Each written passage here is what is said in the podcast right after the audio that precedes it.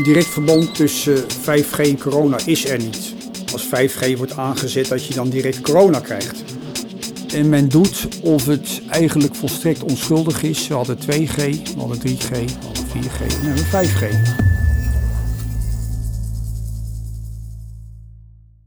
Welkom.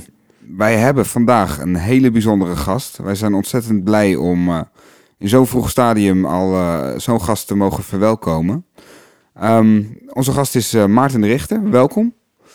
Dankjewel. En Maarten is elektromagnetische stralingsdeskundige, mag ik dat zo zeggen? Meedeskundige elektromagnetische straling. Kijk, dankjewel. Um, nou, misschien wel even goed om, om te beginnen, ook voor de luisteraars, om dat ik eventjes vertel van hoe, hoe jij bij ons in het vizier bent gekomen als uh, een van de eerste gasten bij de 369 podcast. Um, nou, ik, um, ik woon zelf in, uh, in Utrecht. En um, nou, in een appartementencomplex.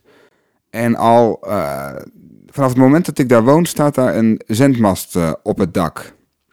Ik ben daar zelf eigenlijk nooit zo, zo mee bezig geweest.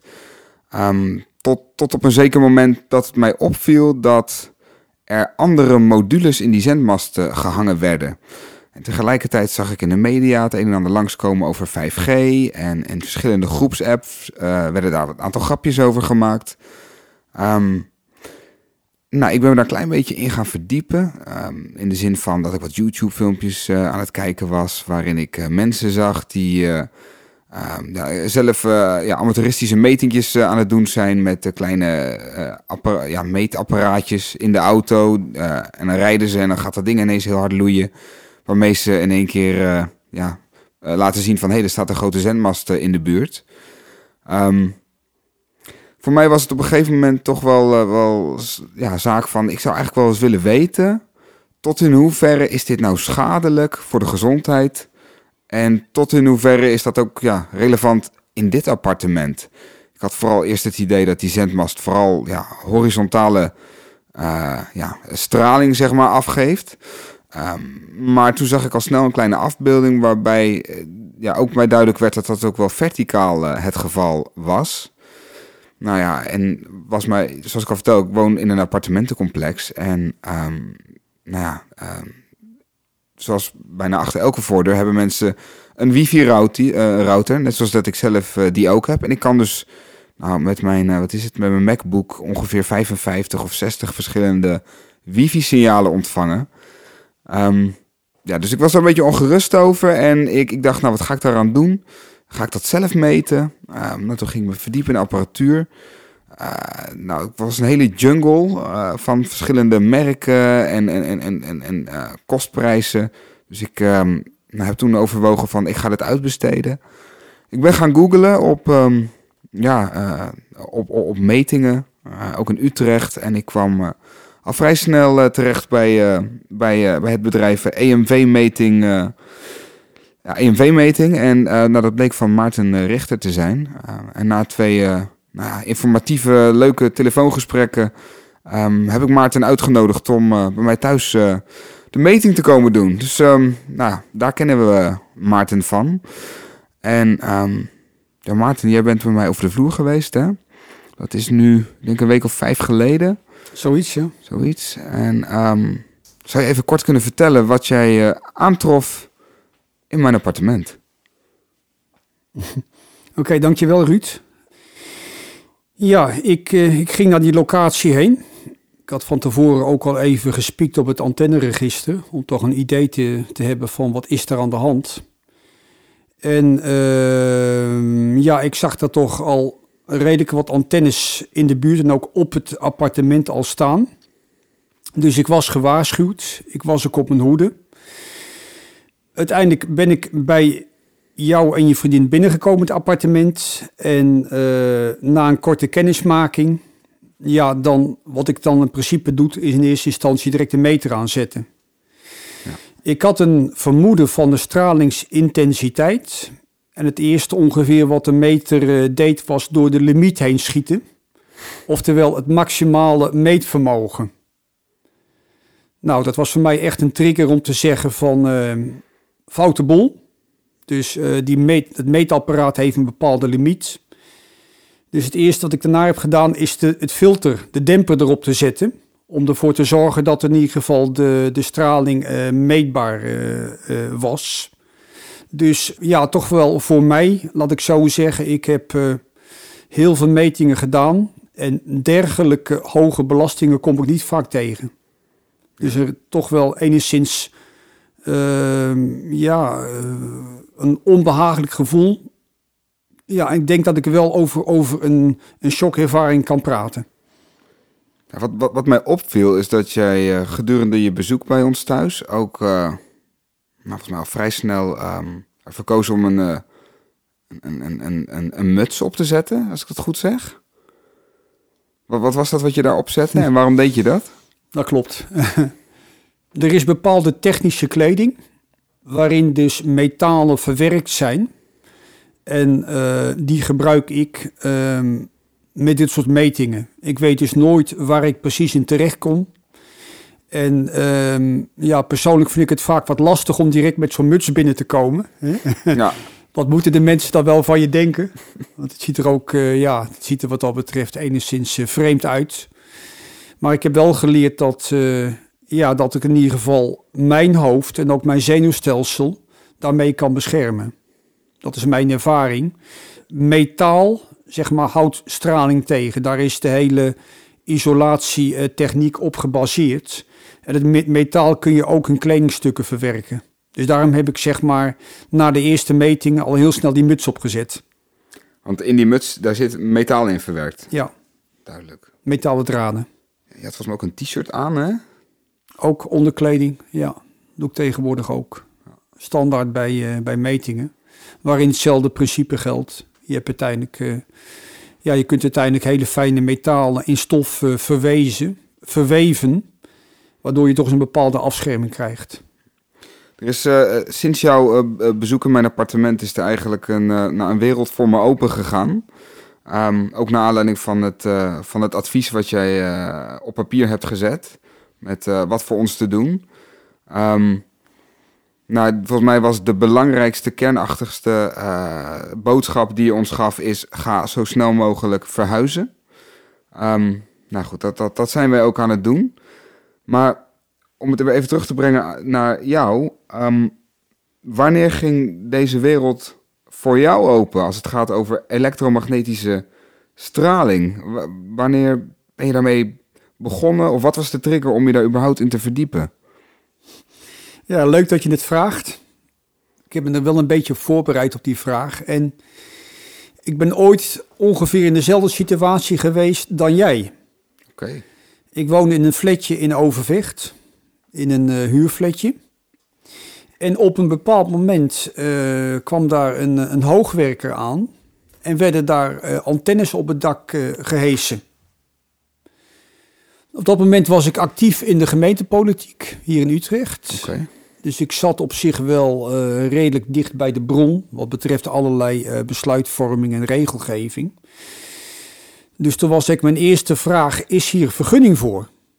Om dan maar zo op zo'n flat, waar ik dan in woonde, om daar die antennes op te zetten. Ja. Op dat moment was nog een vergunning nodig en dan heel snel bleek dat er helemaal geen vergunning was. Dus die dingen waren zonder vergunning daar op dat dak neergezet. Ehm, ja, dat is eigenlijk voor mij de trigger geweest om me nou eens te gaan verdiepen in, eh, in zetmasten. Want natuurlijk, ja, ik kreeg er direct mee te maken, net zo, zo- zoals jij. Ik had er niet om gevraagd, maar het gebeurde. Ja. En, sorry dat ik onderbreek. Hoe lang geleden is het ongeveer? Eh, Nou, dat is de periode geweest, eh, de uitrol van 2G. Zeg maar, dat heet vroeger GSM. Ja. Tegenwoordig heet het eh, 2G. Dus dat is begin jaren 90 geweest, zo. ergens. Oké. Dus zeg maar, dat hele eh, digitale eh, eh, zendsysteem is met 2G, met GSM begonnen, met zendmasten. En begin jaren 90 is men begonnen om die antennes eh, en die zendmasten in Nederland te plaatsen. Dus laten we zeggen zo, het zal iets later geweest zijn, rond 95 of zo, denk ik. Maar dacht je van, toen je dat zag, hè, dat, hoge eh, dat hoogwerkertje, of die grote hoge werker, want Mhm. de flats in Overvecht kunnen best eh, hoog zijn. Dacht je toen van, kan dit zomaar, dit zou wel eens schadelijk kunnen zijn? Of dacht je vooral van, wat een oerlelijk ding wat ze hier aan het plaatsen zijn, mag dat wel? Ja, of, of voelde je het misschien? Oh ja. Zou kunnen. Ja, nee, eigenlijk, eigenlijk eh, had ik nog geen idee over mogelijke schadelijkheid. Ik bekeek het puur vanuit juridisch eh, oogpunt van eh, er worden installaties geplaatst op, op daken en eh, moet daar geen vergunning voor zijn. Dus het hele gezondheidsaspect op dat moment, daar had ik geen idee van Oké. ben ik naderhand achtergekomen. Maar puur omdat ik toch... Ik, zei- ik zei... eh, ik zat toen in de gemeentepolitiek. Ik hield me die tijd dus bezig met bouwvergunningen en ruimtelijke ordening. En toen dacht ik van, wat zullen we nou krijgen? dus op zo'n manier... En als je dan uiteindelijk dat een beetje gaat onderzoeken... dan kom je uiteindelijk ook sites, eh, op sites terecht... waar dus over gezondheid wordt gepraat. Waar ik op dat moment eigenlijk geen idee van had. Oké. En toen? Ja, hoe is dat uiteindelijk gegaan? Nou, uiteindelijk is het ehm, is de provider, de toenmalige provider was Dutchstone, die bestaat niet meer. Oh ja, Dutchstone. Oké. Van de reclame. Ja. Trouwens een hele leuke, leuke reclame in die tijd. Oké, dus een andere van mijn verhaal. Maar Dutch, Dutchstone is een ongelijkgestelde de gemeente en die heeft uiteindelijk ook echt vergunningen moeten aanvragen. Eh, dus zo is het afgelopen. Dus uiteindelijk is de zaak wel vergund. Maar toen moesten er allemaal wel bouwtekeningen en dingen als berekeningen van zendvermogen bij komen. Ik zal het, het dossier nog wel ergens hebben, denk ik. Ja, zo is het afgelopen daar. Ja. Maar, maar, maar jouw verdere... de- de- Maar toen, toen was je niet ineens ehm eh, een meetdeskundige. Dus da- daar, daar is meer gebeurd in de afgelopen decennia, moet ik haast wel zeggen. Ja, nee, dat klopt. Eh, toen was ik geen meedeskundige, ook omdat ik gewoon met nul kennis begon over eh, mogelijke eh, gezondheidsgevaren. Nou, ik was in die tijd, ik ben daarna ben ik voor wat ingenieursbureaus gaan werken, kleinere en grotere. En een, de grootste was Touw. En daar kwam ik eigenlijk in aanraking met allerlei metingen. Geluidsmetingen en bodemonderzoeken metingen naar vervuiling van, eh, van grond, eh, grondwater en allemaal dat soort zaken zo. En ja, op basis daarvan las ik ook vaak rapporten. Dus een Ja. meetrapporten met een opzet enzovoort enzovoort, een meetopzet. Parameters waar je naar gaat kijken, eh, technische apparatuur die je gebruikt. Dus ik kwam, komt er uit dat wereldje. Toen ben ik in 2010 ben ik zelfstandig geworden. En toen dacht ik van, ja, toen wist ik te langzamerhand, ik had het toch een beetje op internet alle ontwikkelingen wel gevolgd. Toen dacht ik bij mezelf van, het is misschien handig dat ik ook, eh, zeg maar, omdat ik op dit moment zoveel weet over metingen van elektromagnetische straling, maar ook gezondheid, om daar een tak van sport van te maken. Dus is het niet mogelijk om een soort meetbedrijf op te zetten voor, eh, voor eh, elektromagnetische straling, voor straling. En dat heb ik gedaan. En vanaf 2010 heb ik dat uitgebouwd tot ENV-meting.nu. Juist. En, en, en waren er in 2010 ook al andere eh, partijen die dit soort metingen verrichten?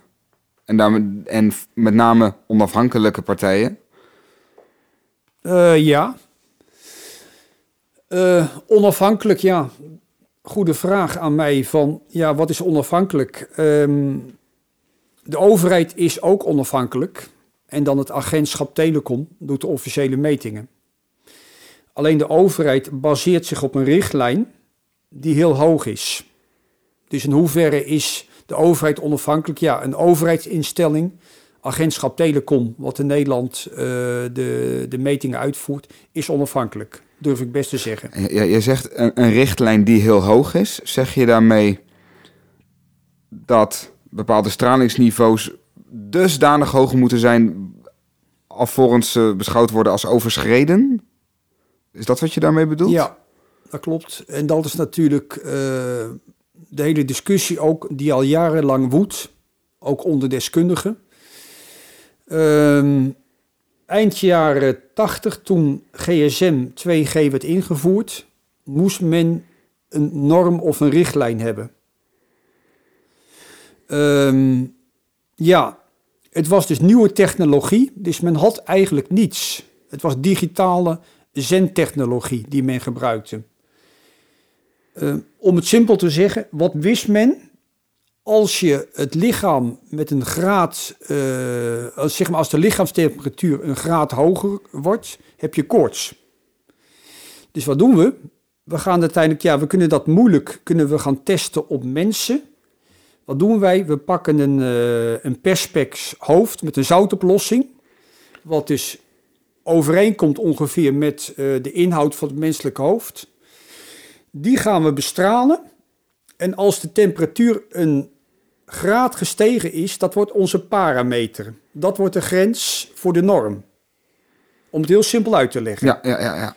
Dat is uiteindelijk 60 volt per me- meter geworden. Dus als je uiteindelijk een menselijk hoofd bestraalt met 60 volt per meter gedurende een bepaalde periode, dan is de lichaamstemperatuur een graad hoger geworden. Daar moet je beneden blijven. Dat is uiteindelijk de richtlijn geworden. Alleen op dat moment had men nog helemaal geen vergelijkingsmateriaal, want die technologie was helemaal nieuw. Dus dan spreek je over thermische verwarming van lichaamsweefsel. Opwarming van je hoofd, zeg maar, of van je lichaam.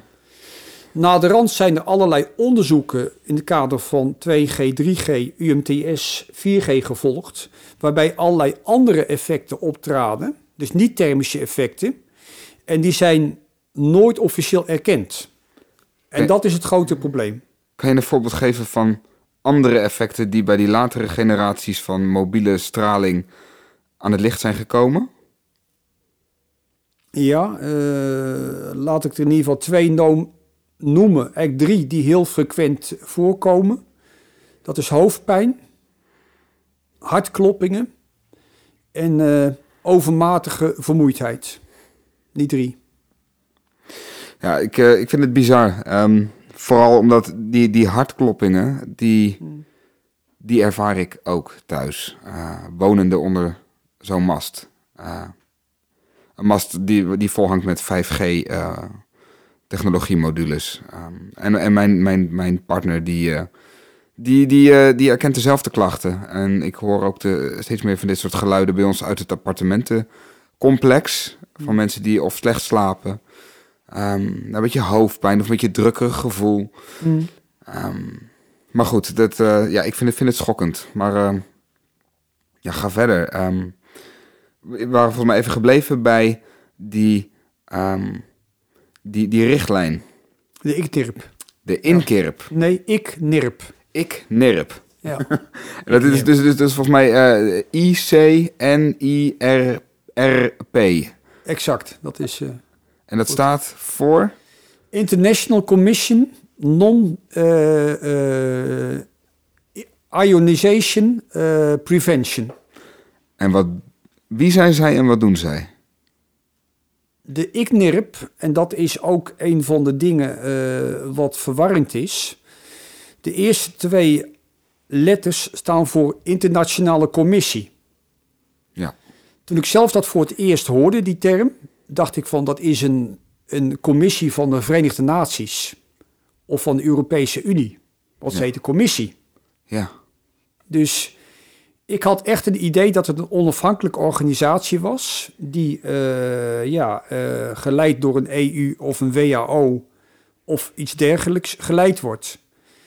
De ICNIRP is een Duitse stichting, Oké. Niet meer en niet minder, waarin het bedrijfsleven een dikke vinger in de pap heeft.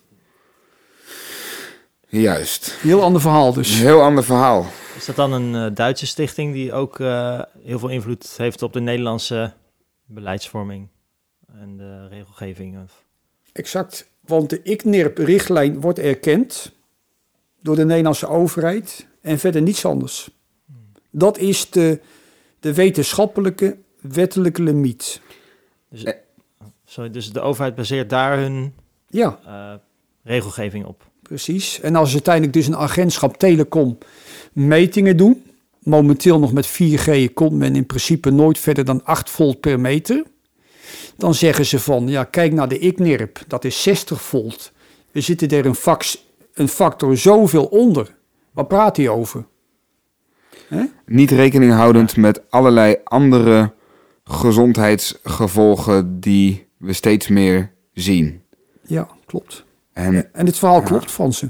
Het verhaal klopt echt. Geen spel tussen te krijgen. 60 volt is de limiet. En is dat die 60 volt dan nog steeds gebaseerd op die test die ze Ja. deden in, bij- in de tijden van GSM en 2G ja.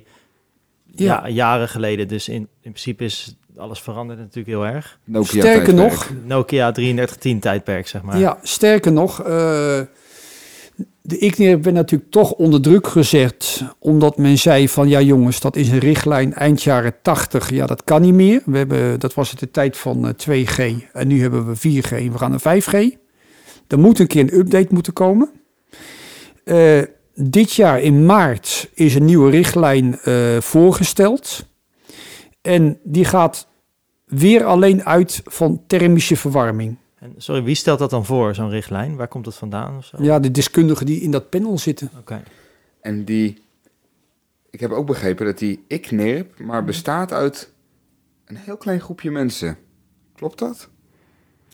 Ja, een heel klein stroepje. Ik heb er wel eens op die zitten zoeken wie het zijn. Ja, laten we zeggen een groepje van 12 tot 14 deskundigen. Dat is het, ja. En zijn, het, eh, zijn er meer overheden, behalve de Duitse en Nederlandse, die de, deze richtlijnen vanuit de ICNIRP eh, in hun beleid voeren? Ja, ehm, andere landen doen dat ook. Eh, al moet ik wel zeggen, en dan praten we direct eh, bijvoorbeeld Duitsland. Die hanteert ook de ICNIRP. Maar als we naar onze zuidenburen kijken, naar Brussel, die hanteert een ondergrens van 6 volt per meter in plaats van 60. Dus in de stad Brussel mag maximaal eh 6 volt per meter worden gemeten, terwijl in Nederland mag 60 volt. Eh, eh, Wauw. En, en- wat is de reden waarom Brussel dat zou doen? Voorzorgbeginsel. Voor? Nou, men zegt van, ehm, we krijgen allerlei klachten van burgers over eh, die last hebben van antennes, zeg maar, om het simpel te zeggen. Eh, volgens ons is er wat aan de hand. En eh, op basis daarvan gaan we dus die belasting door, door die antennes gaan we zo laag mogelijk maken. En dat heet het voorzorgbeginsel, dat je van tevoren al eigenlijk gaat zeggen van we weten niet 100% zeker of het schadelijk is, maar toch, het komt ook uit het milieurecht, op allerlei manieren is het geïmplementeerd, maar toch gaan we daarop anticiperen en zeggen we voorlopig van we maken de emissies, zeg maar, aan straling zo laag mogelijk. Ik kan me voorstellen dat er nu mensen aan het luisteren zijn en die denken: oké, maar dan is er dus een commissie. eh, die hebben daar goed over nagedacht. Daar zitten deskundige mensen. Die hebben dus een richtlijn. En nou, eigenlijk hartstikke goed dat die overheden die richtlijn voeren in hun beleid. En daarmee is er volgens mij niet zoveel aan de hand en is het dus gewoon veilig. Waar, waar, waar, waar, maken mensen zich zo druk om? Ehm, en waarom zetten mensen zendmasten in de brand? En waarom is het onderwerp 5G, de laatste generatie, zo eh, controversieel? Ehm, ja, heb je daar een, een tegengeluid als het gaat om... ehm, zijn er andere richtlijnen?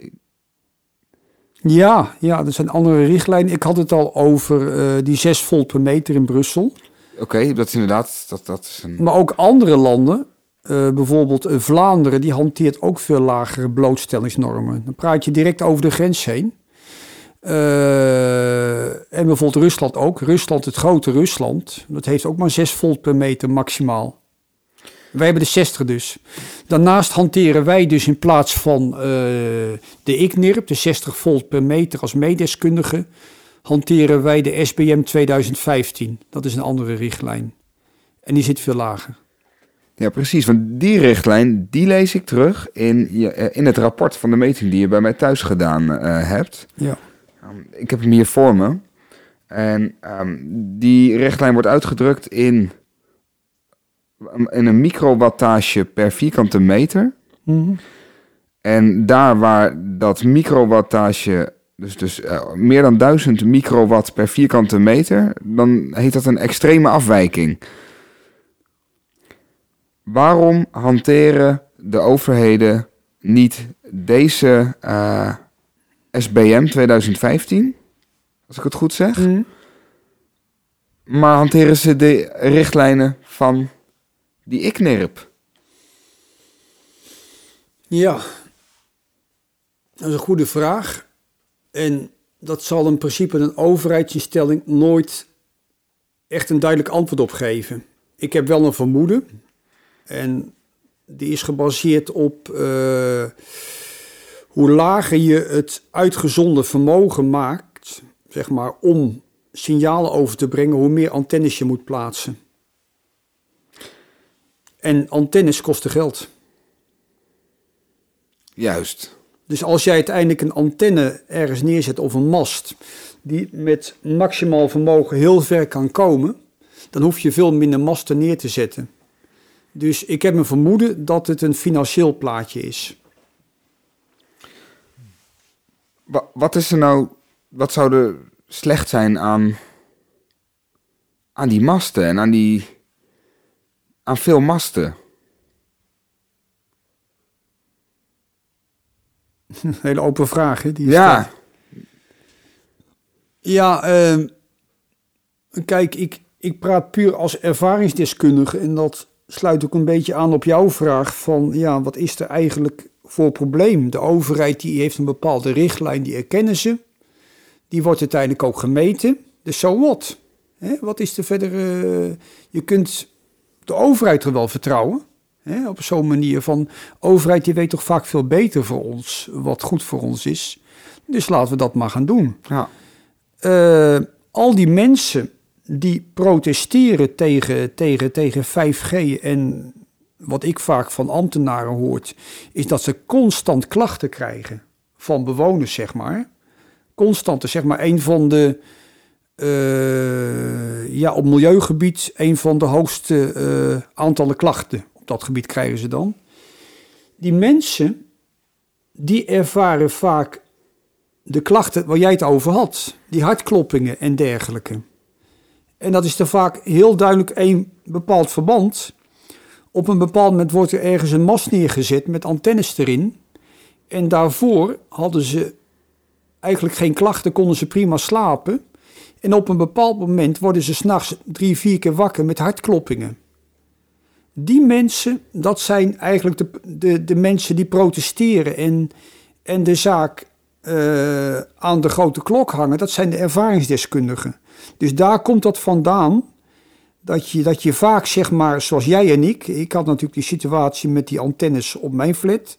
En jij had natuurlijk die 5G-mast die bij jou op jouw appartement werd eh, geplaatst. Die mensen worden vaak wakker. En die gaan uiteindelijk ook eh, voor zichzelf eens nadenken. Hé, hoe kan het dat ik zeg maar vanaf 1 maart... dat ik elke nacht wakker word met hartkloppingen. En daarvoor had ik daar geen last van. Ja. Dus noem het... Het is vooral, denk ik, eh, geïnspireerd door ervaringsdeskundigheid. En die mensen gaan natuurlijk tegenwoordig allemaal googelen. Ik heb last van dat en ik heb last van dat. En heel vaak uiteindelijk natuurlijk, ja, de mensen die googelen wat af, maar ook op allerlei andere gebieden.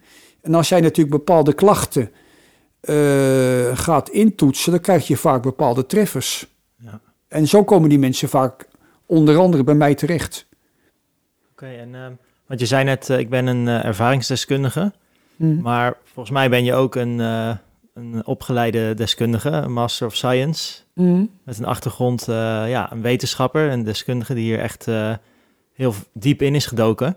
Mhm. En zou je misschien voor degene die dit luistert en die misschien niet eens weten wat, elektromagnetische, wat een elektromagnetisch veld is, ehm, zou je misschien kort uit willen leggen wat het is en hoe het misschien zou kunnen dat wij mensen daardoor beïnvloed worden? Want blijkbaar ehm, zijn er, wat je net zei, er zijn mensen die dat voelen, die daar misschien niet goed tegen kunnen. Eh, hebben mensen dan ook zo'n veld in zich? Of is er een soort eh, raakpunt waarin de twee velden elkaar eh, aanraken? Zou je daar misschien iets over kunnen vertellen vanuit jouw deskundigheid?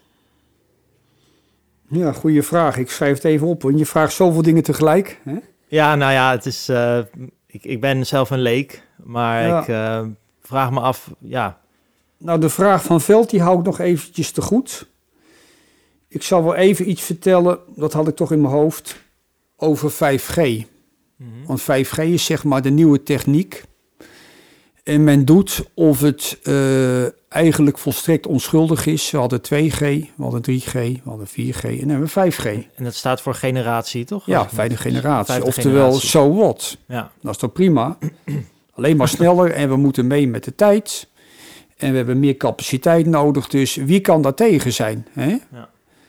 Ehm, wat niet wordt verteld, en ja, wat dat betreft ook de meeste mensen geloven dat de term GSM wordt niet meer gebruikt of UMTS voor 3G. Hè, natuurlijk een marketing technisch 2G, 3G, 4G, 5G. Dat klinkt fantastisch. Want normaal denken mensen, volgende generatie is beter. Oh, Ja. we zijn al bij de vijfde. Nou, dat moet ik ook hebben. ja. Ja. Vooruitgang, ja natuurlijk. Hoe hoger, hoe meer vooruitgang. Eh, de 5G-techniek is totaal anders dan de 2G, 3G en 4G-techniek. Oké. Die werkte gewoon met een constant veld. Oftewel, je hebt een antenne. Die zendt in een bepaalde sector en die zendt eigenlijk een constant signaal uit. Dat kan dus variëren eh, aan de hand van eh, het gebruik met smartphones. Als er meer mensen in de ruimte zijn, gaat hij harder zenden. En als er minder mensen zijn, gaat hij minder hard zenden. Maar zo werkt het gewoon. Zo'n antenne heeft een bepaalde cirkel eh, om zich Een heen. sector, ja. Een sec- en dat, oh, heet een sector. sector. Zeg maar de meeste. Je hebt vaak, heel vaak heb je dan een, drie sectoren en dan pak je 360 graden in het rond. Want je moet natuurlijk, ja. Amerikanen noemen het ook, ook een celtower. Of je hebt een bepaalde cel, Een soort diameter. een soort diameter waarbinnen je dus bereik hebt. En waarbij je dus eh, met je smartphone gebonden bent aan die zendmast. Ja. Daar kunnen ze ook vaak precies traceren waar je bent. Want je hebt, eh, jouw telefoon pakt het sterkste signaal. Ja. Nou, 5G is iets compleet anders. eh, want eh, 5G maakt gebruik van phased array an- antennes met MIMO-technologie en beamforming. Een hele... Dat zijn heel veel eh, termen die... Ja. eh, ja, ik zal het even per onderdeeltje uitleggen. Phased array antenna of antennes, dat zijn eh, antennes die komen uit eh, het militaire wereldje. Zeg maar, eh, het leger maakt er heel lang gebruik van dat soort antennes. Je moet je voorstellen, het is gewoon een antenne waar allemaal mini-antennetjes in zitten. Dat is phased array. Dus dit is eigenlijk militaire technologie die nou naar burger wordt omgezet. Oké.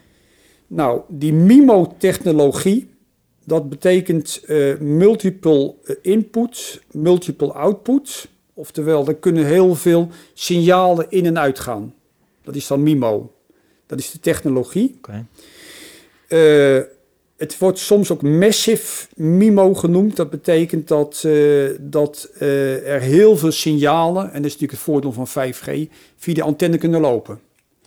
Het laatste termje is beamvorming, wat inhoudt dat op een bepaald moment, eh, als jij geen 5G smartphone hebt of een tablet, dan heb je geen signaal, geen verbinding met die antenne.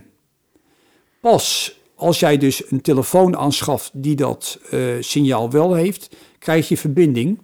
En wat doet hij dan? Dan gaat hij uiteindelijk een beam, oftewel een, ja, een soort laserstraal, gaat hij richten vanuit die antenne op jouw smartphone. En zo gaat hij uiteindelijk dus verbinding gaat hij maken. Dus dat is een hele andere technologie dan die 4G die er constant 24 uur per dag staat te zenden. Dat, dat klinkt alsof het wel dan efficiënter is. In plaats van een hele cirkel van straling is er specifiek één beam voor als je het gebruikt. Of, dat Ja, precies. Daarom was ik er in het begin ook voor. ja, Ik was voor 5G. ja. Want zo klinkt het zo van, ja, nou, ja natuurlijk. lijkt, eh, En het verhaal wordt ook verteld eh, vanuit de marketing. Ja, eigenlijk is 5G beter. Want als je dan eh, zeg maar geen smartphone hebt, geen 5G smartphone, dan ontvang je ook niks. Wat men daarbij eh, niet eh, aangeeft, is natuurlijk dat het aantal smartphones ontzettend zal eh, toenemen. Dat ook om 5G goed te laten draaien, heb je dus die small cells nodig op straatniveau. Dus er komen 10.000 miljoenen zenders op straatniveau bij in Nederland. Het is zeker? Dat is zeker, ja. Dat- Voor en de dat noemen 3,5 ze- gigahertz. Dat noemen ze een small cell. Small cell. Dus, dus de, de antennetjes, de kleine antennetjes in lantaarnpalen. Dus een small cell wordt een, op elke straathoek... eh, of Ja, om de de- 150, 200 meter moet er eentje hangen. Om de technologie te laten niet. werken. Anders Maar- werkt het niet. Maar dit, dit, dit kost toch heel veel geld.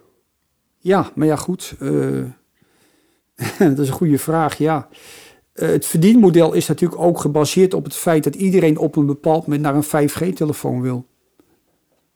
En ja, dat zal wel zo eh, eh, bekeken zijn dat het allemaal wel kan. Maar je hebt gelijk. Het kost heel veel geld. Want overal moeten natuurlijk eh, lantaarnpaaltjes en lantaarnpalen, bushokjes. Ik heb zelfs stoepdeksels, putdeksels gehoord. Moet het allemaal ingebouwd worden. Oké, en dat in steden alleen neem ik aan. Ik, dat gaan ze denk ik niet eh, in het, op het platteland eh, doen, want daar... Nee, maar ik denk dat ze het platteland pakken ze dan de grote antennes, zeg maar, nog op de vaste opstelpunten. De lage frequenties. Maar overal in de steden en in de dorpen krijg je dat. Oké, en op het platteland hebben ze dan een paar van die grotere zendmasten staan. En is dat dan alsnog een soort 4G of zo? Dat, ze, Dat is 5G. dat is allemaal 5G. Dus dat is hele allemaal 4G, 5G. dat wordt helemaal... Ja, Gaan ze dat dan afbreken? Of? Ja, het is ook zo. De, de doel van de overheid is 98% dekking. 98 procent In van heel Nederland? Ja. Eh, Op 5G. En dat hebben ze nu nog helemaal niet. Nee. Er Nee. zijn nog hele witte zones nou. Maar dat is natuurlijk gigantisch. En daar is Nederland ook een van de meest eh, vooruitstrevende landen ter wereld in. Ik, ik las van de week nog iets dat KPN had aangegeven. Ja jongens, dat willen we eigenlijk helemaal niet. Want het kost ons ook heel veel geld. eh, maar ook om al die infrastructuur aan te leggen. Maar een, een witte... Waarom moet het 98% worden?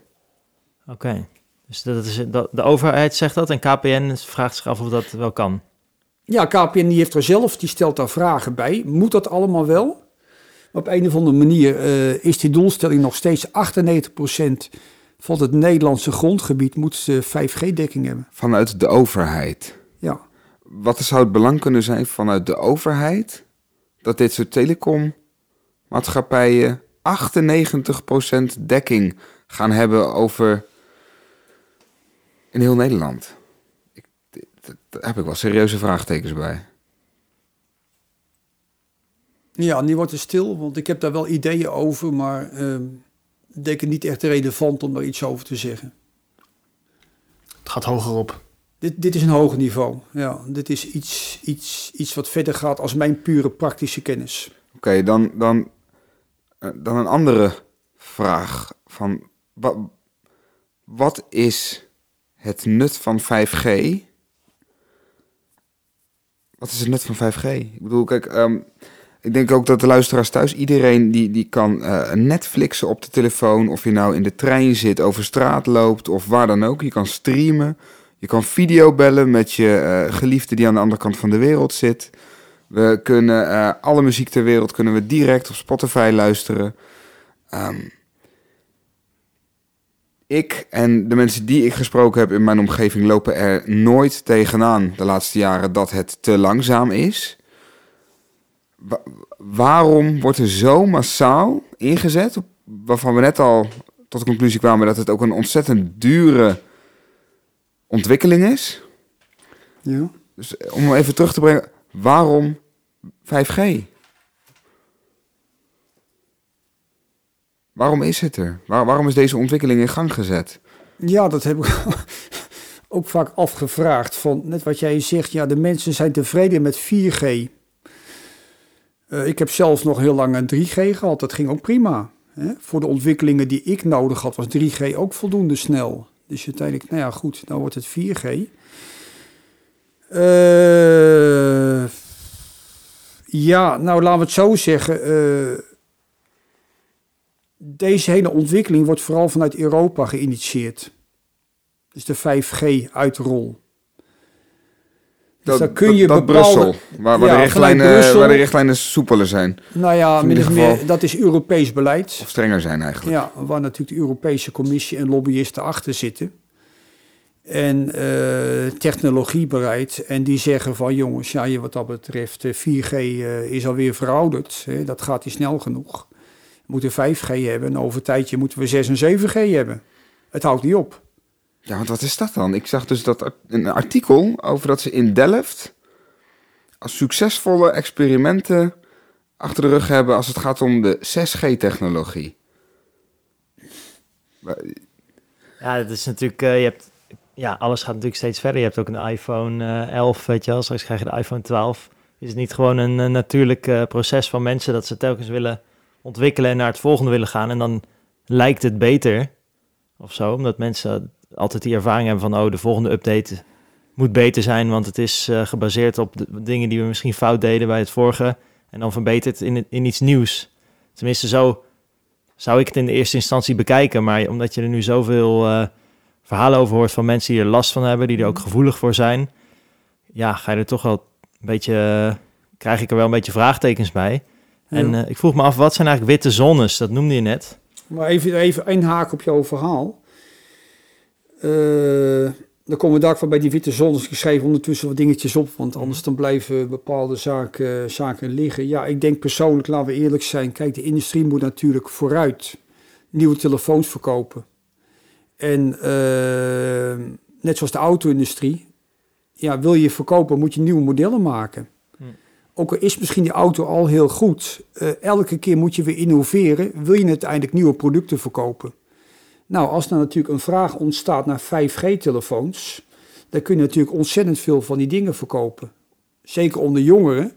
Want natuurlijk, je hebt natuurlijk ook onder jongeren, die willen altijd het allernieuwste hebben. Zo draait onze hele economie. Een soort van statussymbolen zijn Ja. het ook, hè? Hip zijn, meekomen. Ja, kijk, natuurlijk de industrie die kan, ja, zoals ik het kan bekijken, natuurlijk niet verkopen dat we over, over vijf jaar nog 4G hebben. Dan staan ze stil. Hè? Dus al die, die hele machinerie van eh, eh, ontwikkellabs, hè, eh, dat soort dingen zo, R&D, zit natuurlijk steeds weer gespitst op nieuwe producten, nieuwe ontwikkelingen.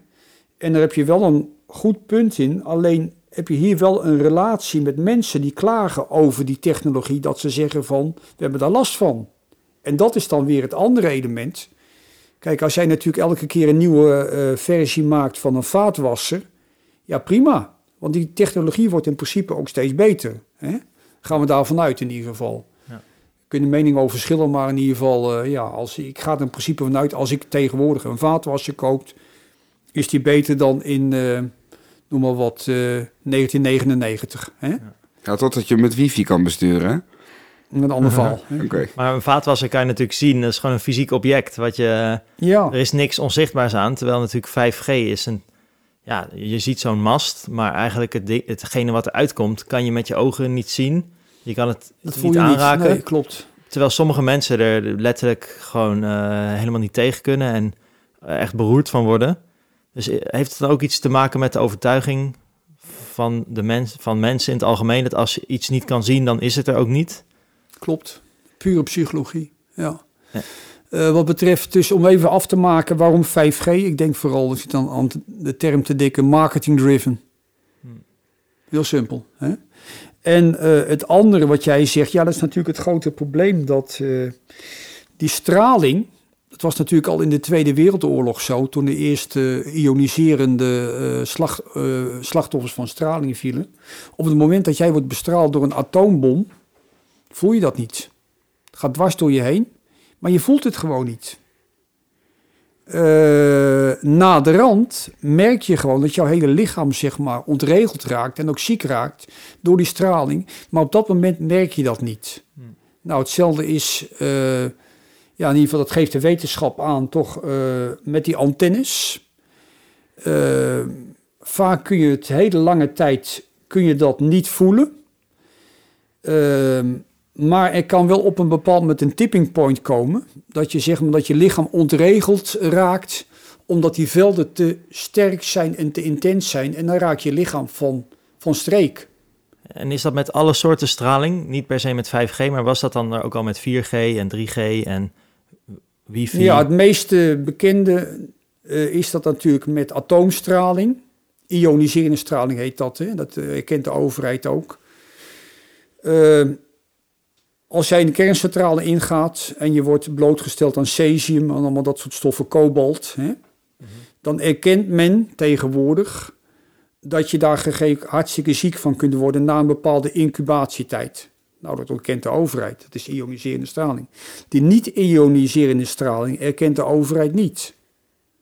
En eh, dan krijg je gewoon hetzelfde mechanisme dat uiteindelijk... eh, ja, ik kom ze heel vaak tegen.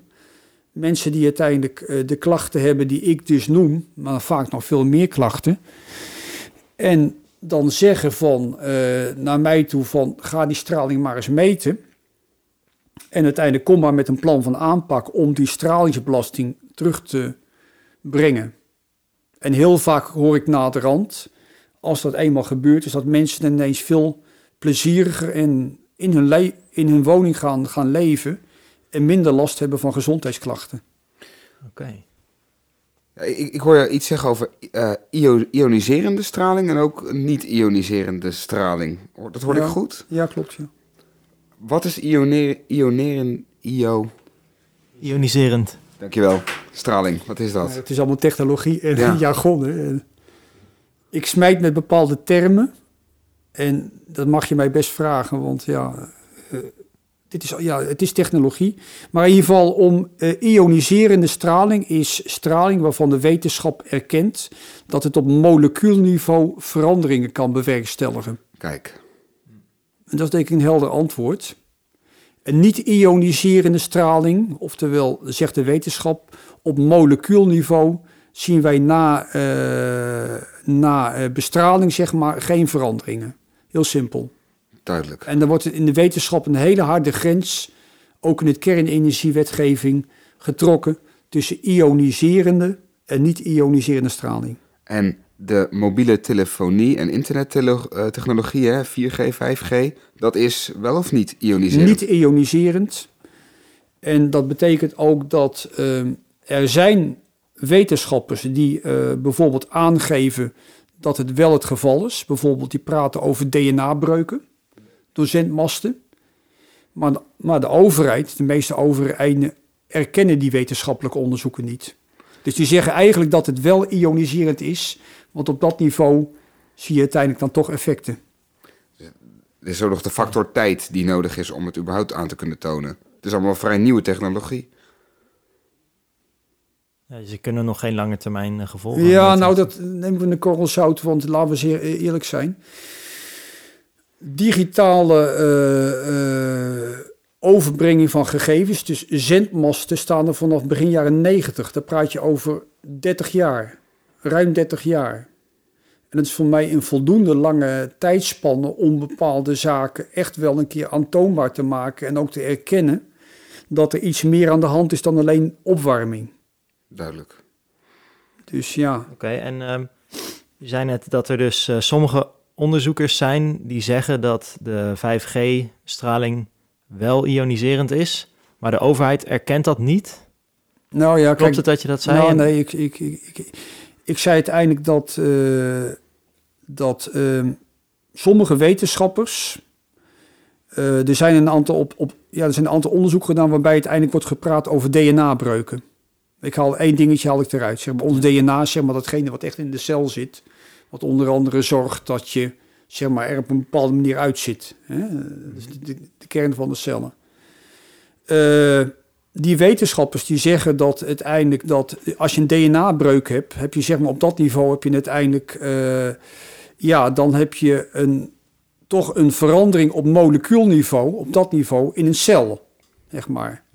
Dus ik heb onderzoeken gelezen waarbij uiteindelijk wetenschappers zeggen, die grens moeten we niet meer trekken tussen die twee eh stralingssoorten, omdat zij zeggen, als wij aantoonbaar maken dat er sprake is van DNA-breuken door antennes, door eh 4G-antennes, noem maar wat, dan spreek je wel over ioniserende straling. Ja, en heb je misschien een bron eh, van die onderzoeken? Of is dat eh, iets wat we later misschien eh, onder de podcast kunnen zetten voor mensen die dat eh, interessant vinden? Ja, nou goed, wat dat betreft. Ik ben een tijdje geleden zelf in Mainz geweest. Dat was een, eh, een congres over eh uitrol 5G. hmm. Eh, er waren dus wetenschappers van over de hele wereld. En eh, op mijn site eh, kun je daar ook een verslagje van lezen, waar onder andere deze dingen aan de orde komen en ook namen worden genoemd. Ja. Van wetenschappers die bepaalde dingen hebben beweerd, onder andere dus die DNA-breuken. Ja. Dus daar kunnen we interessante onderzoeksbevindingen van Ja. wetenschappers teruglezen. Ja, en dat zijn eh, dus geen charlatans. Die term wordt vaak gebruikt. Ja. Maar echt, zeg maar, eh, eh, biologen, eh, chemici, artsen, eh, Ja.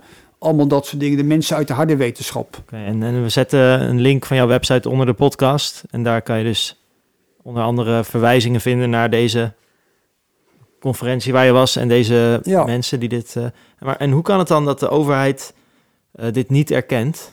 Terwijl het lijkt dat er toch wel echt eh, ja, valide onderzoek naar wordt gedaan. Ja, ik heb als net een één vraag van jullie gezegd van... eh, ik heb daar bepaalde ideeën over, alleen die zal ik niet aan de microfoon eh, tegen horen brengen. Ehm, blijven maar vasthouden aan die Ja. ik-nerp. Ja, ja, goed. Nou, ja, jullie mogen vragen of ik antwoord geef. dat is een tweede. Ehm, ja, ik denk dat het toch ook een kwestie is. Kijk, als natuurlijk deze technologie als vooruitgang alleen maar wordt gepresenteerd en goed. En goed voor de mensen, goed voor de economie. Dit soort verhalen past helemaal niet in dat beeld. Laten we eerlijk zijn. Dus de overheid die wil eigenlijk dit soort verhalen, ook die ik nu in deze podcast aan het vertellen eh, ben, eh, niet horen. Want zeg maar, het marketingmodel, onder andere rond 5G, hè, de PR-domein, komt in gevaar. Ja. Eh, iets anders is, laat ik toch maar even aangeven, en dat, dat zeg ik en wel meerdere deskundigen. Op zich zijn wij niet tegen al die nieuwe technologie omdat wij ook wel erkennen, en dan, dus ik en collega-meedeskundigen, je houdt die vooruitgang niet tegen. Het komt er toch wel, hè? laten we eerlijk zijn. Alleen wij zeggen van, voer die technologie nou in, waarbij je rekening houdt met mens en milieu. Eh, dus oftewel, probeer het op zo'n manier te installeren dat de belasting van eh, mensen en dieren, insecten enzovoort, enzovoort zo klein mogelijk is. Ik hoor je nou ineens over insecten en dieren. Kan je daar iets meer over vertellen? Nou ja, we hebben natuurlijk al even over de bijen gehad in het voorgesprek. Ja, dat klopt. Ja, ja je, daar vertelde je inderdaad dat je... het- was het een vriend van je of een kennis die eh, imker is? Want die... eh, Ja, of nee, nee, je, je liet ons een Riep krantenartikel pakt zien. het artikel al. Ja. Ja, je, hebt hier een, eh, je hebt hier een eh, krantenartikel eh, eh, op tafel eh, liggen en daar staat... Het is eh, van 26 februari 2020. Even kijken of ik kan zien van welke krant dit is. Nou, dat, Ah. dat zie ik even niet, maar dit lijkt op de, de AD, denk ik. Ik denk het AD. AD geloof ik, ja. En er staat... eh, 5G-mast lijkt nergens welkom, staat hier met koeienletters. En ik zie een hele grote afbeelding van een imker. Op honderden plekken in het land wachten providers nog op groen licht voor nieuwe masten voor supersnel internet. Maar door de komst van 5G groeit het verzet. Straling is slecht voor bijen.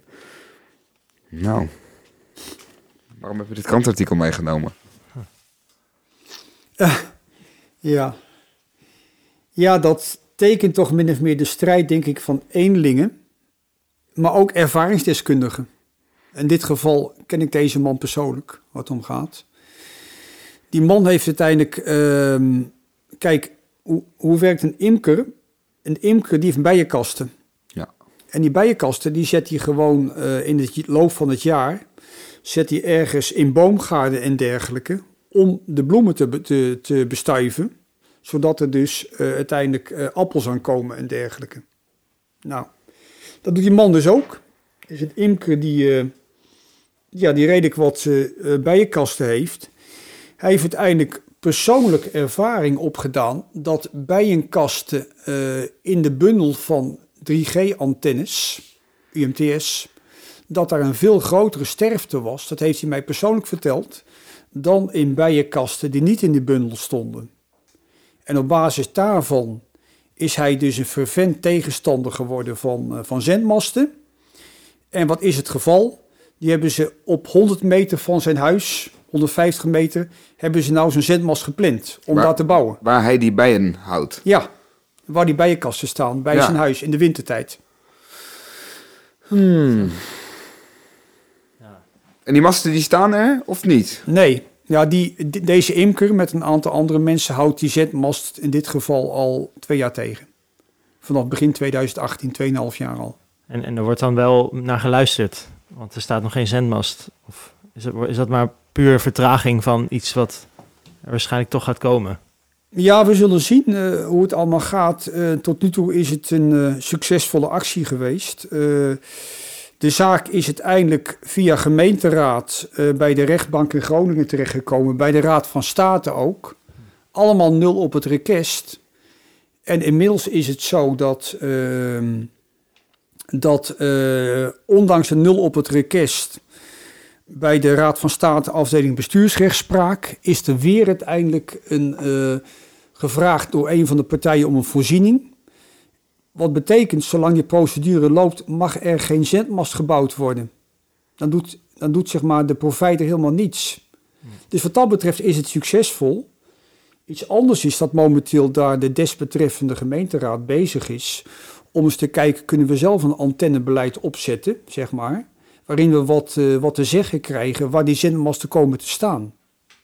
Dus nu zie je ook dat de politiek in, na zoveel tijd zich ermee gaat bemoeien. En toch ook een idee heeft van jongens, er is wat meer aan de hand. En het is niet allemaal flauwekul wat die, eh, wat die mensen zeggen.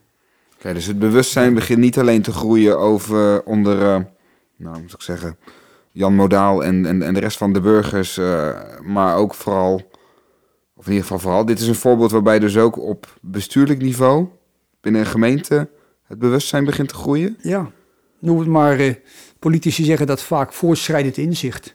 Kijk, Mooie term. Ja, dus dat is op zich dan wel eh, goed om te horen dat er meer aandacht voor komt. Of het nou, eh, ja, dat er misschien dan ook meer echt onderzoek naar wordt gedaan. Of zijn er, dat is nog een vraag die ik heb, zijn Ja. er ook verschillende soorten ehm, partijen die hier onderzoek naar doen? Want je hoort wel eens onafhankelijk onderzoek. En er was laatst dus ook een, een rechtszaak eh, aangespannen tegen de staat Ja, vanuit eh, een bepaalde groep die tegen 5G was. En nou ja, die rechtszaak eh, hebben ze dus verloren, naar mijn weten. Mhm. En want de overheid heeft een, ja, die zeiden dat op basis van onderzoek was aangetoond dat het niet schadelijk is. Ja. En dan, ehm, ja, wat, wat vind jij van zo'n uitspraak? Of vind je daar iets van? te verwachten. Heel simpel, ja. Eh, ik verwachtte dat wel. eh, om het simpel te zeggen, de economische eh, belangen zijn te groot. En dan gaat uiteindelijk een kort gedingrechter, één persoon zeg maar, die gaat er echt niet tegenin. Als ik de rechter was geweest, had ik het ook niet gedaan. Want, Ja, je haalt je bepaalde dingen. ehm, je haalt bepaalde dingen naar boven, zeg maar. Kijk, er is momenteel zo'n eh, complex van factoren bezig om dit allemaal in te voeren. En dan zou jij dat uiteindelijk met jouw beslissing, ehm, vaak gebaseerd ook op wetenschappelijk onderzoek, wat op, wat op allerlei manieren aangevochten wordt, dan zou jij gaan zeggen van, dan gaan we pauzeren. Nee, ik kan die rechten heel goed begrijpen. Ja, want, want wetenschappelijk onderzoek, eh, zijn er dan verschillende soorten onderzoek? Het lijkt wel of, of sommige onderzoeken elkaar helemaal tegenspreken. Want eh, sommige onderzoekers zeggen van, nou, het is echt schadelijk. Eh, die, over de ionisatie hadden we het Mhm. net. Maar dan gaat de overheid het te raden en dan is het in één keer een onderzoek waaruit blijkt dat het niet schadelijk is. Ja, ik weet dan niet meer wie ik, welk onderzoek ik moet geloven eigenlijk. Nee, ja, precies. Maar dat is dan denk ik ook ja, persoonlijk de, de tactiek die gebruikt wordt. Kijk, elk wetenschappelijk onderzoek... Ik heb het net even verteld over dat ICNIRP-onderzoek... over die opwarming van het hoofd. Daar valt, Ja. En dat wordt nu wel als bewijs eh, erkend. Hè? Daar valt kritiek op uit te oefenen. Gewoon heel simpel, zeg maar. Dus ehm, als jij uiteindelijk zegt van elk onderzoek, ook eh, onderzoek wat eh, volledig voldoet aan alle eh, wetenschappelijke maatstaven voor erkend wetenschappelijk onderzoek, noem ik onder andere de naam peer review. Dat is een bepaalde maatstaf, zeg maar. Ja. als je gewoon zegt van, ehm, ja, overal mankeert wat aan, is ook zo. Want je kunt in principe op elk wetenschappelijk onderzoek, bijvoorbeeld ook op een kausaal verband, ik gebruik de juridische term, tussen roken en longkanker. Dan kun je uiteindelijk ook zeggen van, dat is niet één op één. Het bekende voorbeeld van opa die tot zijn tachtigste sigaren rookte en nergens last van had, wordt ook gebruikt, zeg maar. Dus als je uiteindelijk eh, de tactiek hanteert dat je dus elk wetenschappelijk onderzoek wat een andere kant uitgaat dan de richting die jij eigenlijk wil hebben, als je dat bekritiseert, ja, dan blijf je bezig. En de leek die zegt heel simpel, oh, er is oneenigheid over. De overheid die zegt van dat het niet helemaal klopt of dat het onderzoek niet goed is. Het zal wel. Ik geloof het niet. Dus eh, ja, zeg maar, die, die is dan ook niet overtuigd. En bij twijfel is heel vaak zo, is het feit, dan gaat het gewoon door. Oké. Ja, ik las op jouw website dat je een soort van onderscheid maakt tussen beleidsondersteunend onderzoek en onafhankelijk wetenschappelijk onderzoek. En ik ben die term, of tenminste die tegenstelling ben ik niet echt tegengekomen nog, maar ik vind het wel een hele belangrijke eigenlijk om, om te noemen en genoemd te hebben, of om door te krijgen, ook als luisteraar. Want niet elk onderzoek is natuurlijk hetzelfde onderzoek. Ehm, kun je daar iets meer over vertellen? Ja, nou, dat zijn natuurlijk. eh, kijk, ik heb een universiteit vak, eh, bij een vak bestuurskunde gehad. En dan leer je onder andere dit soort termen, leer je dan. Want je moet gewoon weten van dat het bestaat om er überhaupt over na te denken. Ehm ehm, laat zo zeggen, nieuw beleid. Daar heeft toch vaak de overheid heel vaak eh, wetenschappelijke onderbouwing voor nodig. Want anders zegt de burger, ja, het zal allemaal wel, maar eh, ik vertrouw het niet. Of eh, is dat wel zo schadelijk of is dat niet zo schadelijk, enzovoort, enzovoort. Ehm, wat je dan kunt doen, is dat je zeg maar een bepaalde eh, instelling, een onderzoekinstituut, geef je opdracht om bepaald onderzoek te gaan doen. Dan kun je natuurlijk al eh, van tevoren bepaalde criteria erin zetten. Nou, je mag alleen maar kijken naar dat of dat. Eh, elk onderzoek heeft in principe, ik kom natuurlijk zelf uit de wereld van de ingenieursbureaus, ik ben ook academicus, dus eh, elk onderzoek heeft gegeven een conceptfase. En als daar bepaalde dingen in staan die jou uiteindelijk niet, niet uitkomen, dan zeg je gewoon dat moet anders. Die zinnen moeten uit het rapport, die grafieken moeten eruit, dat resultaat moet eruit. En zo niet, dan wordt het of niet gepubliceerd, of onderzoeksinstituut, u krijgt geen opdracht meer. Zo simpel is dat. Zo. Zo werkt het wereldje. Dus wetenschap is vaak wat dat betreft niet onafhankelijk. Dus daar heb je ook echt eh, wel mee te maken, waarschijnlijk in het eh, verhaal van 5G. Waarschijnlijk. Ik heb, ehm, wat we de laatste tijd veel zien, is dat, ik noemde het net al even, 5G is zo langzamerhand een beetje een controversieel onderwerp aan het worden. Ehm, mijn persoonlijke mening is, is dat de media het ook een beetje in het daglicht probeert te zetten van, nou hoe zou ik het zeggen, nou een beetje in het conspiracy denken. En nou bedoel ik daar vooral mee dat het, dat, dat het beeld een beetje geschetst wordt. Dat mensen die zich er heel erg zorgen over maken, mensen zijn die toch al een beetje maf zijn en, en, en, en, en, en, ook geloven dat de aarde plat is. En, en ja, dat dat een bepaalde hoek is waaruit deze geluiden komen. De kritische geluiden over 5G. Ehm, dat, dat dat een beetje het beeld is wat de media aan het schetsen is. Zo zie je ook dat het vaak nu gekoppeld wordt van... oh, ehm, ehm, dat er veel mensen zouden zijn die denken dat corona veroorzaakt wordt door 5G. Ehm, nou kan ik me zomaar voorstellen dat 5G-straling, of straling uit 5G-masten, en ook wel uit 4G-masten, ik denk gewoon straling aan zich, eh, slecht is voor ons immuunsysteem. En daarmee dat je vatbaarder zou kunnen worden voor wat voor virus dan ook. Of nou griepje is of COVID. Ehm, zou je daar een uitspraak over kunnen doen? Wat is, wat is jouw opvatting hierover? Ja. Ik heb er op de site al iets over verteld. Ehm, direct verband tussen eh 5G en corona is er niet. Een direct verband. En dan is dat is natuurlijk een complottheorie.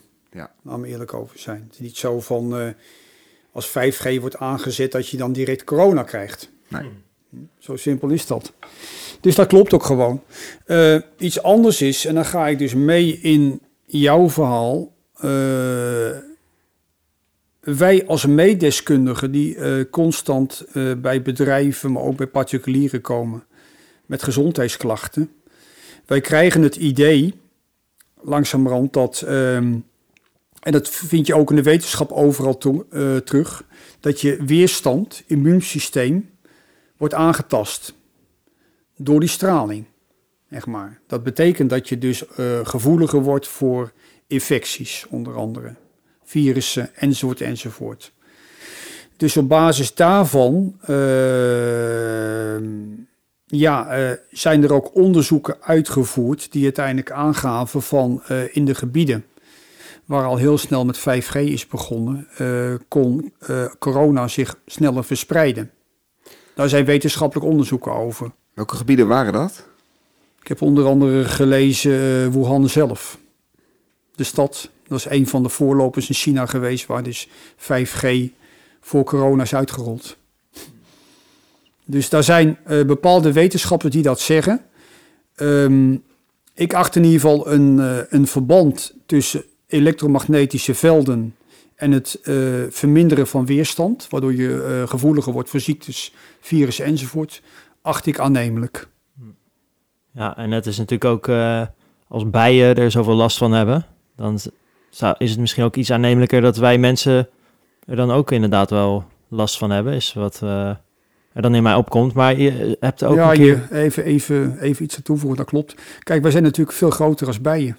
Ja, Eigenlijk kunnen wij dus veel meer hebben, omdat onze massa van lichaam is veel meer dan zo'n ielig insectje. Dus je kunt je voorstellen dat in ieder geval zo'n zo'n insect veel gevoeliger is voor een elektromagnetisch veld dan een mens. En eh, is het ook zo dat, eh, ik bedoel, de, de aarde waarop we leven heeft natuurlijk eh, aantrekkingskracht, zwaartekracht. Ja. De zon heeft natuurlijk ook een bepaalde, bepaald energieveld. Alle planeten draaien om, om elkaar heen. Komt elektromagnetische straling ook gewoon in de natuur voor? Los van de mensen, zeg maar? Ja, je noemt onder andere de zon. ja. Dat is ook elektromagnetische straling. Eh, daarom wordt bijvoorbeeld ook UVA en UVB-straling worden erkend. Ja. Als veroorzakers van huidkanker. Ja. Dat gebeurt wel. Dus overal in de natuur, maar bijvoorbeeld ook een uranium. Daar heb je bijvoorbeeld straling. Eh, uranium is dan niet echt elektromagnetisch, maar wel in ieder geval eh, radioactief Ah, ja. wordt het dan, wordt het dan genoemd. En je had, een, ja, jou, iets eerder in een podcast vroeg je iets over mensen. Dat is ook iets, ja. Je had het over de elektrische en de magnetische velden. ja, heeft een mens ook een, vanuit jouw eh, wetenschappelijk oogpunt, heeft een mens ook een natuurlijk magnetisch veld of elektrisch veld om zich Ja, heen? nou kijk, onze zenuwen. Ik zit niet met jullie te praten. Ik praat met jou omdat elektrische impulsjes, hele kleine eh, impulsen uit mijn hersenen, naar mijn mondzenuwen gaan. Dus wij zijn als mensen ook gewoon een elektrisch mechanisme. We zitten eigenlijk vol met elektriciteit. Ja. Eh, op een lage frequentie en heel zwak. Maar we zijn het degelijk, zijn wij wel. Ja, wij kunnen niet functioneren zonder elektriciteit. Ja. Noemen ze dat bio? Volgens mij noemen ze dat bio-elektriciteit of zo. Is daar een woord voor? Weet je, weet je dat? In de... Nou, deze term ken ik niet. In ieder geval, ik ben toevallig net een boek aan het lezen over dit verschijnsel. Dat eigenlijk, eh, ja, zeg maar, de hele. eh, alles wat functioneert, alles wat leeft om ons heen, tot aan planten toe. eh, daar zijn dus hele zwakke elektrische stroompjes in. Ja, want, want hoe zit dat precies? Zou je iets meer willen vertellen over planten en bomen? Want we hebben nu gehad over bijen, eh, mensen. Maar ja, we hebben natuurlijk ook enorm veel bomen om ons heen. En ja, ook wat problemen met de, aard, de aarde die opwarmt. Waar je niemand echt meer over hoort, omdat iedereen te druk is met eh, andere, het andere nieuws over Ja, eh, we zitten er midden tussenin. corona en zo. Maar Ik noem het tegenwoordig het coronaklimaat. ja, Al drie maanden lang. Elke dag zon. ja, het lijkt of er geen ander nieuws meer bestaat. Ja. Maar wat eh, is de impact op bomen bijvoorbeeld, volgens jou? En schijnbaar moeten er ook heel veel bomen gekapt worden, toch? Om het 5G-netwerk te, laten, te laten werken. Omdat, omdat bomen eigenlijk de straling ook tegenhouden. Ja, ja, ja, dat is weer een ander verhaal. Maar Ja. nou, eerst, kun je nog even de eerste vraag herinneren? Dan, dan die tweede van jou. Eh, wat is het eh, effect op bomen van 5G of van elektromagnetische straling? Ja, nou, daar, daar heb ik ook iets op de site over eh, geschreven. Al, eh, eh, al lang geleden, van mij in 2006, 2008 of zo, heeft de Wageningen Universiteit... die heeft dus onderzoek gedaan naar eh, 3G-antennes... en aantasting van, eh, van bomen, onder andere pokken, bepaalde, ja, bepaalde... dan barst die huid van die- zo'n boom, die barst open, zeg maar...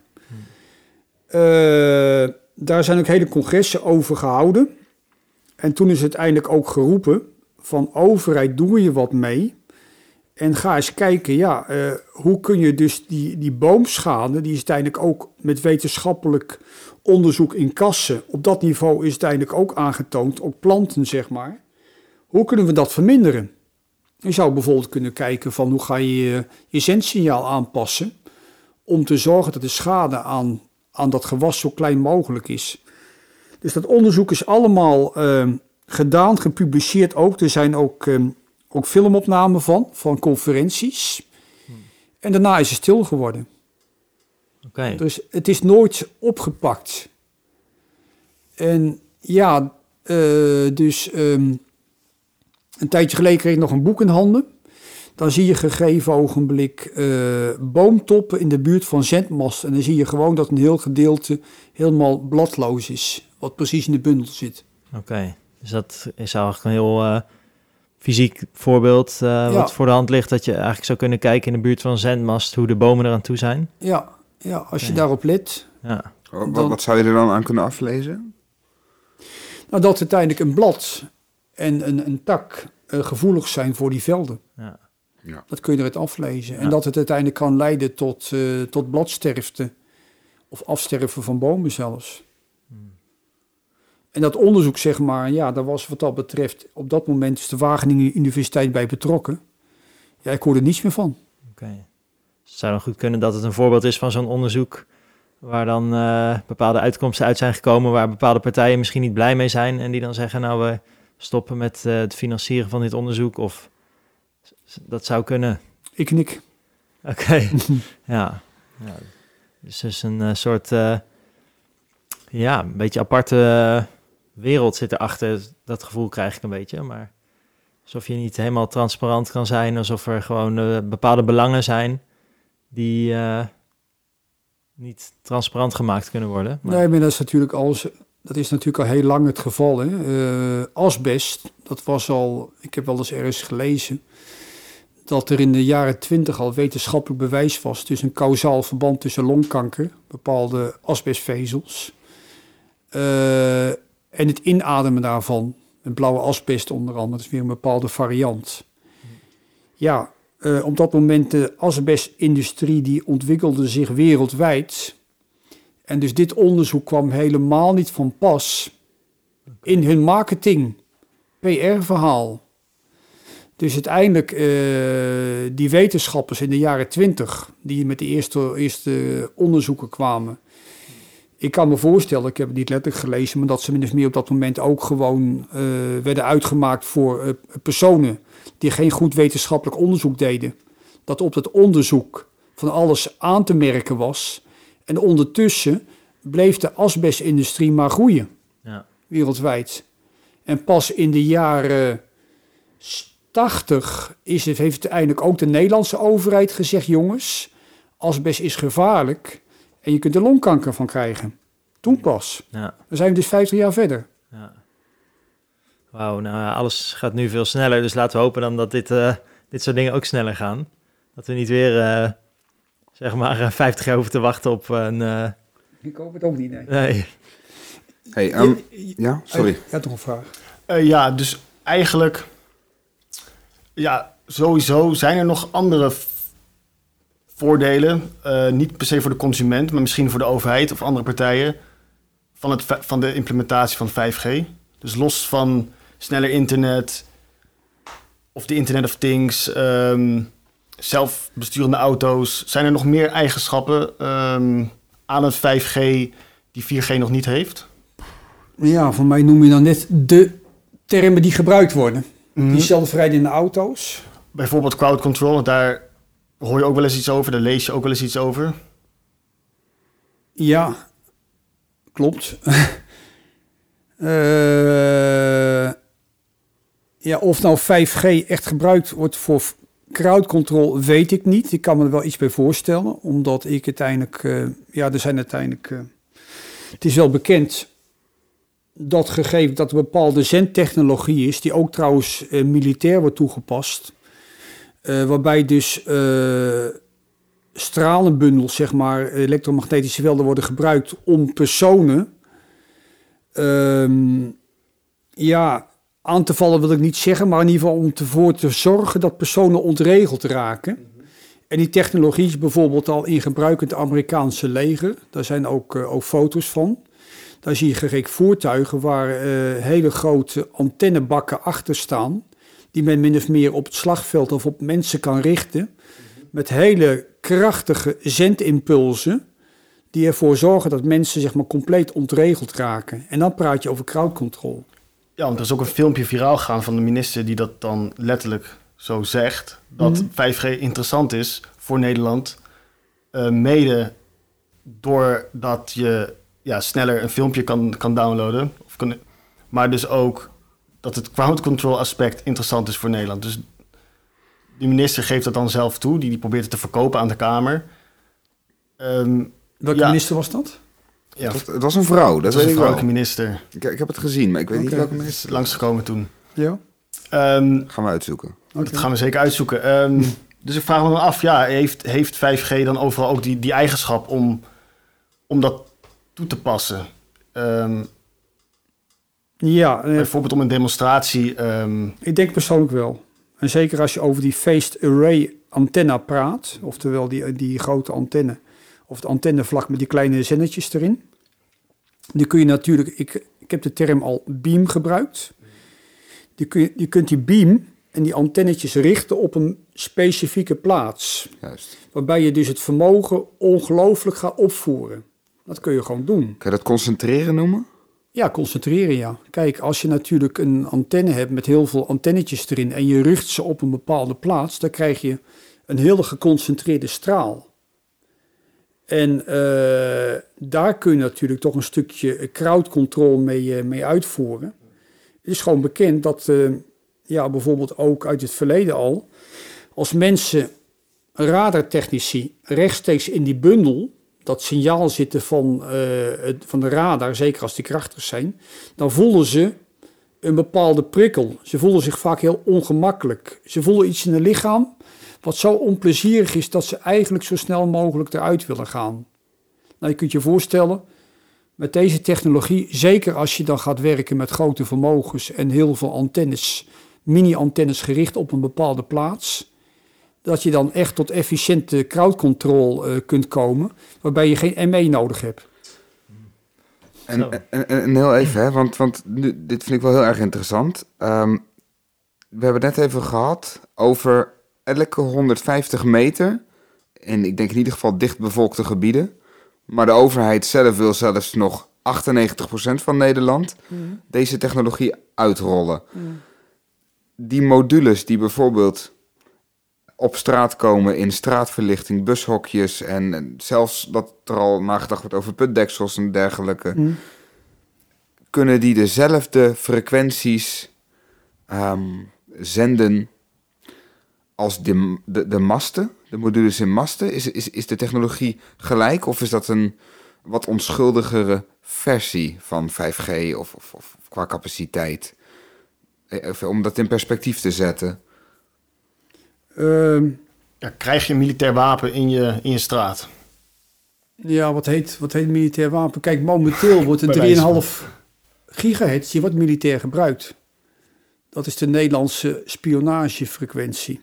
Maar die wordt gebruikt voor communicatie onderling, denk ik. Of wordt die Ook gebruikt... afluisteren en dergelijke. Ja, oké. Dat soort dingen. Daarom heb je dus in buren heb je hele grote schotels staan... waarbij dus van alles uit de lucht wordt geplikt. Oké. Bijvoorbeeld van China of Rusland of zo. Ja. Alles wat er door de ether heen gaat. Maar dat crowd control is een andere frequentie of zo. Dat... Ja, nee, in ieder geval om terug te komen op jouw verhaal. eh, voor die small cells, waar we het over hebben, wordt de 3,5 gigahertz eh, gebruikt. In ieder geval is nu gepland. En die zou dus in 2022 geveild worden. Nu nog niet in juni, maar wel in 2022. Nou, dat zijn dus overal die kleine zendertjes die echt op straatniveau geplaatst worden. Om dus eh, dat snelle internet op 5G-niveau om dat mogelijk te maken. En die worden dus vooral, denk ik, geplaatst eh, ja, eh, in dorpen en in steden. Op het platteland zal men grotendeels nog met de antennes werken op de lagere frequenties die momenteel op de daken worden gezet en in de zendmasten worden gehangen. Dus dat is het verschil. Dus ga uit van een 3,5 gigahertz die dan over twee jaar geveld moet worden. Met geveld bedoel je dat er een eh, telecombedrijf die frequentie kan kopen Ja, op een veiling of zo? Ja, Wie meerdere hoogste biedt? Eh, niet, niet eentje, want eh, het beleid van de Nederlandse overheid is altijd meerdere operators. Die dus de, zeg maar, die frequentie beheren. Dus ze zullen allemaal dus, een stuk van die frequentie krijgen om dat, om dat te gebruiken. Wat was verder je vraag nog dan? Ja, nee, dat, dat er dus, ik vind het een bizar iets dat er gewoon eh, frequenties worden geveild. En dat is, gaat dus om letterlijk de lucht om ons heen, waar die frequenties doorheen gaan. Dat gaat gewoon allemaal door je, het gaat dwars daar overal doorheen, toch? Dus, ja, het gaat door je lichaam heen. En er zijn gewoon bedrijven die er nu, eh, die dan dat gaan kopen. Ja, ik vind het gewoon heel bizar eh, Ja, maar- besef. Wel de opmerking dus, ehm, men had die 3,5 gigahertz eigenlijk nu al willen veilen. Alleen Defensie ligt, eh, ligt dwars. Want Defensie heeft momenteel, momenteel is men bezig om dat afluisterstation in het Friese Buren, om dat te verplaatsen. En als dat weg is, hoe men dat wil doen, dat weet ik niet precies. Dan kan men dus de hele frequentie vrijgeven, die 3,5 gigahertz. Dus wat men nu momenteel doet, men begint met de lage frequentie dat iedereen op zijn display gewoon kan zien. We hebben 5G, zeg maar. Alleen dit is nog niet tot de maximale snelheid. En om het veel sneller te krijgen, 5G, heeft men die hoge band nodig. En daarom staat die gepland. Dus eh, eigenlijk, ik heb ook wel iets gelezen van momenteel 5G. Wat je dus als je een 5G-ready telefoon momenteel koopt, dat is zelfs langzamer als 4G. Die, die, Dat het zo laag staat afgesteld, oké. Ja. Hoeveel geld gaat hiermee gemoeid? Heel veel, maar, maar even, ken je daar een bedragen van? Wat zo'n telecom-provider, gaat het over miljoenen? Gaat het over tientallen miljoenen, honderden miljoenen? Of gaat het misschien maar over duizenden? Even om dat in perspectief te plaatsen. ja, honderden miljoenen tot miljarden. Honderden miljoenen tot miljarden. Wa- Welk beeld ik een beetje begin te krijgen. Ehm, het lijkt net alsof niet alleen die telecomaanbieders heel graag hun product willen verkopen. Maar op het moment dat een KPN zichzelf afvraagt waarom moeten we die 98% dekking hebben. Als tegelijkertijd de overheid dat graag wil, dan lijkt het bijna alsof de overheid een opdrachtgever is. Alsof de telecommaatschappijen eh, daar natuurlijk ook eh, graag aan mee willen doen, maar eerder meedoen aan een aanbestedingsronde dan aan een soort veiling. En dat, ja, zeg maar, de, de daadwerkelijke functies die 5G ook heeft, eh, niet openlijk uitgesproken worden. Ik, ik krijg daar toch een, ik krijg daar niet zo'n eh, fijn gevoel bij. Ehm, helemaal niet als er net ook gesproken wordt over. En dit zijn, dit, dit zijn geen termen die hier aan tafel voorbij komen. Die zijn daadwerkelijk genoemd in de media. We gaan, we gaan ernaar op zoek en we zullen een linkje eh, ook delen.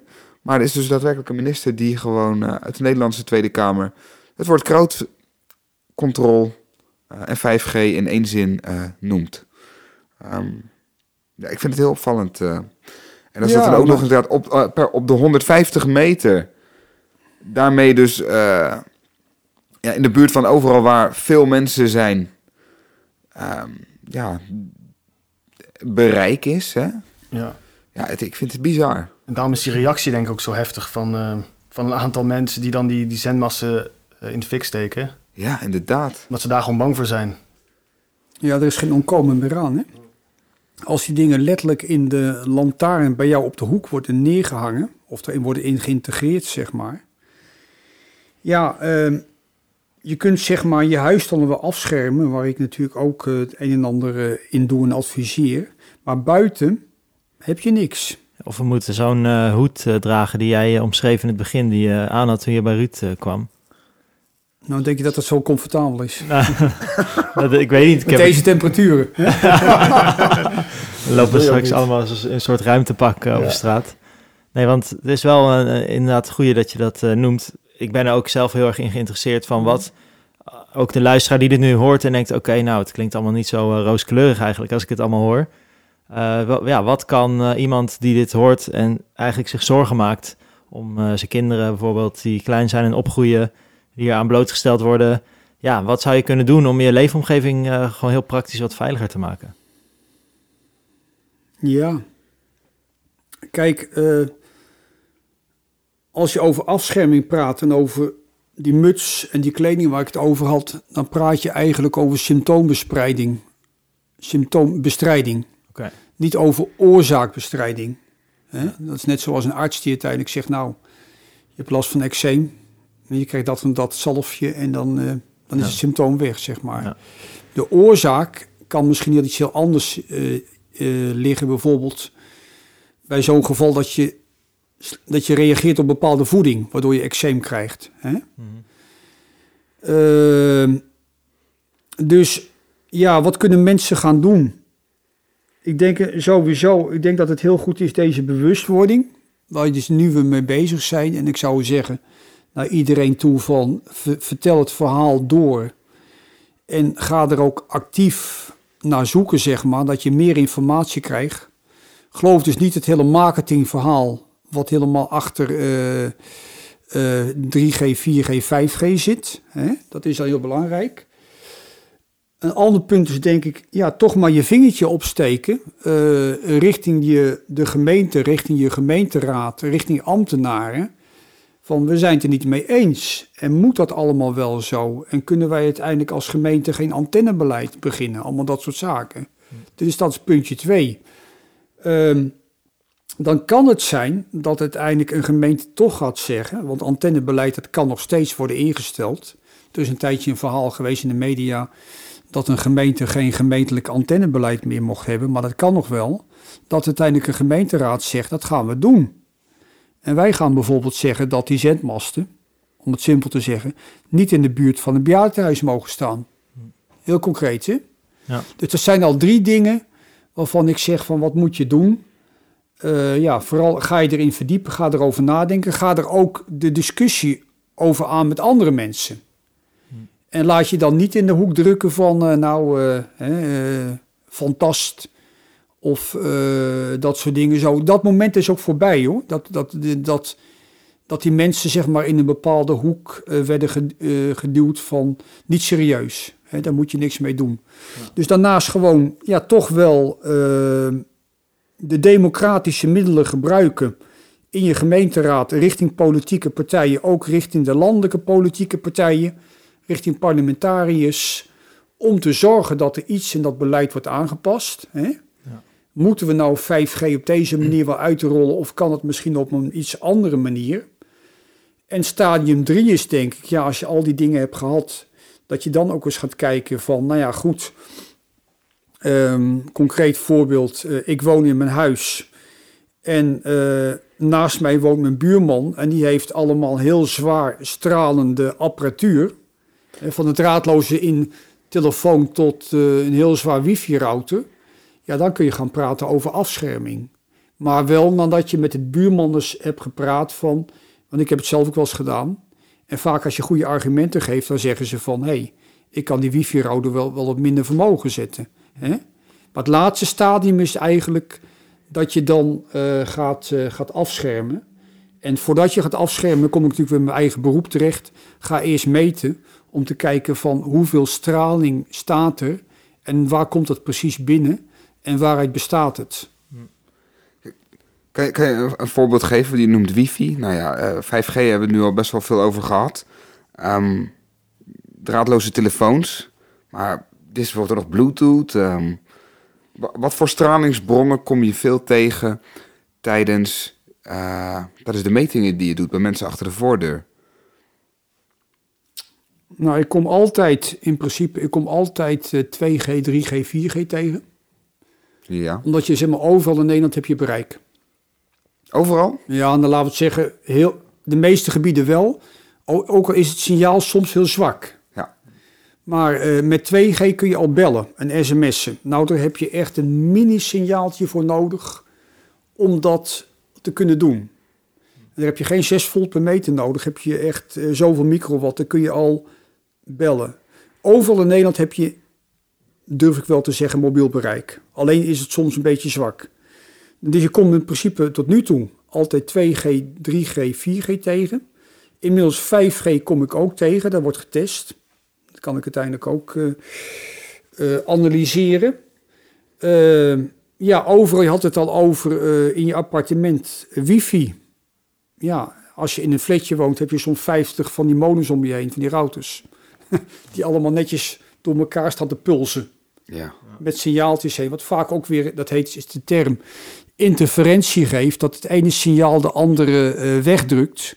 Waardoor uiteindelijk jouw eh, wifi-verbinding slecht is. Ja. Dus dan ben je een filmpje aan downloaden. En ineens dan breekt je verbinding af.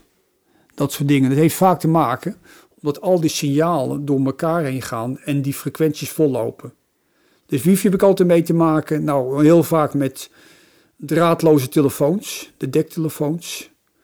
Eh, Babyphones die werken ook vaak met die technologie. Dus daar kom ik vaak tegen.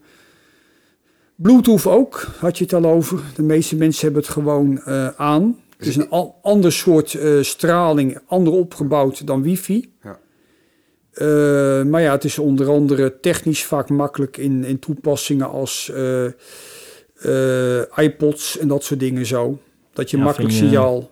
In je oor. Veel je mensen oor hebben tegenwoordig gewoon constant Bluetooth in hun Ja, oor. dat, is- Dat dat gaat allemaal via Bluetooth en ook in je auto. Heeft dat dan impact op je hersenen, als het zo dicht bij je hersenen zit? Dan krijg je weer hetzelfde antwoord. Eh, er zijn wetenschappers die eh, daar onderzoek naar hebben gedaan en die zeggen dat het invloed heeft. Ja, Hmm.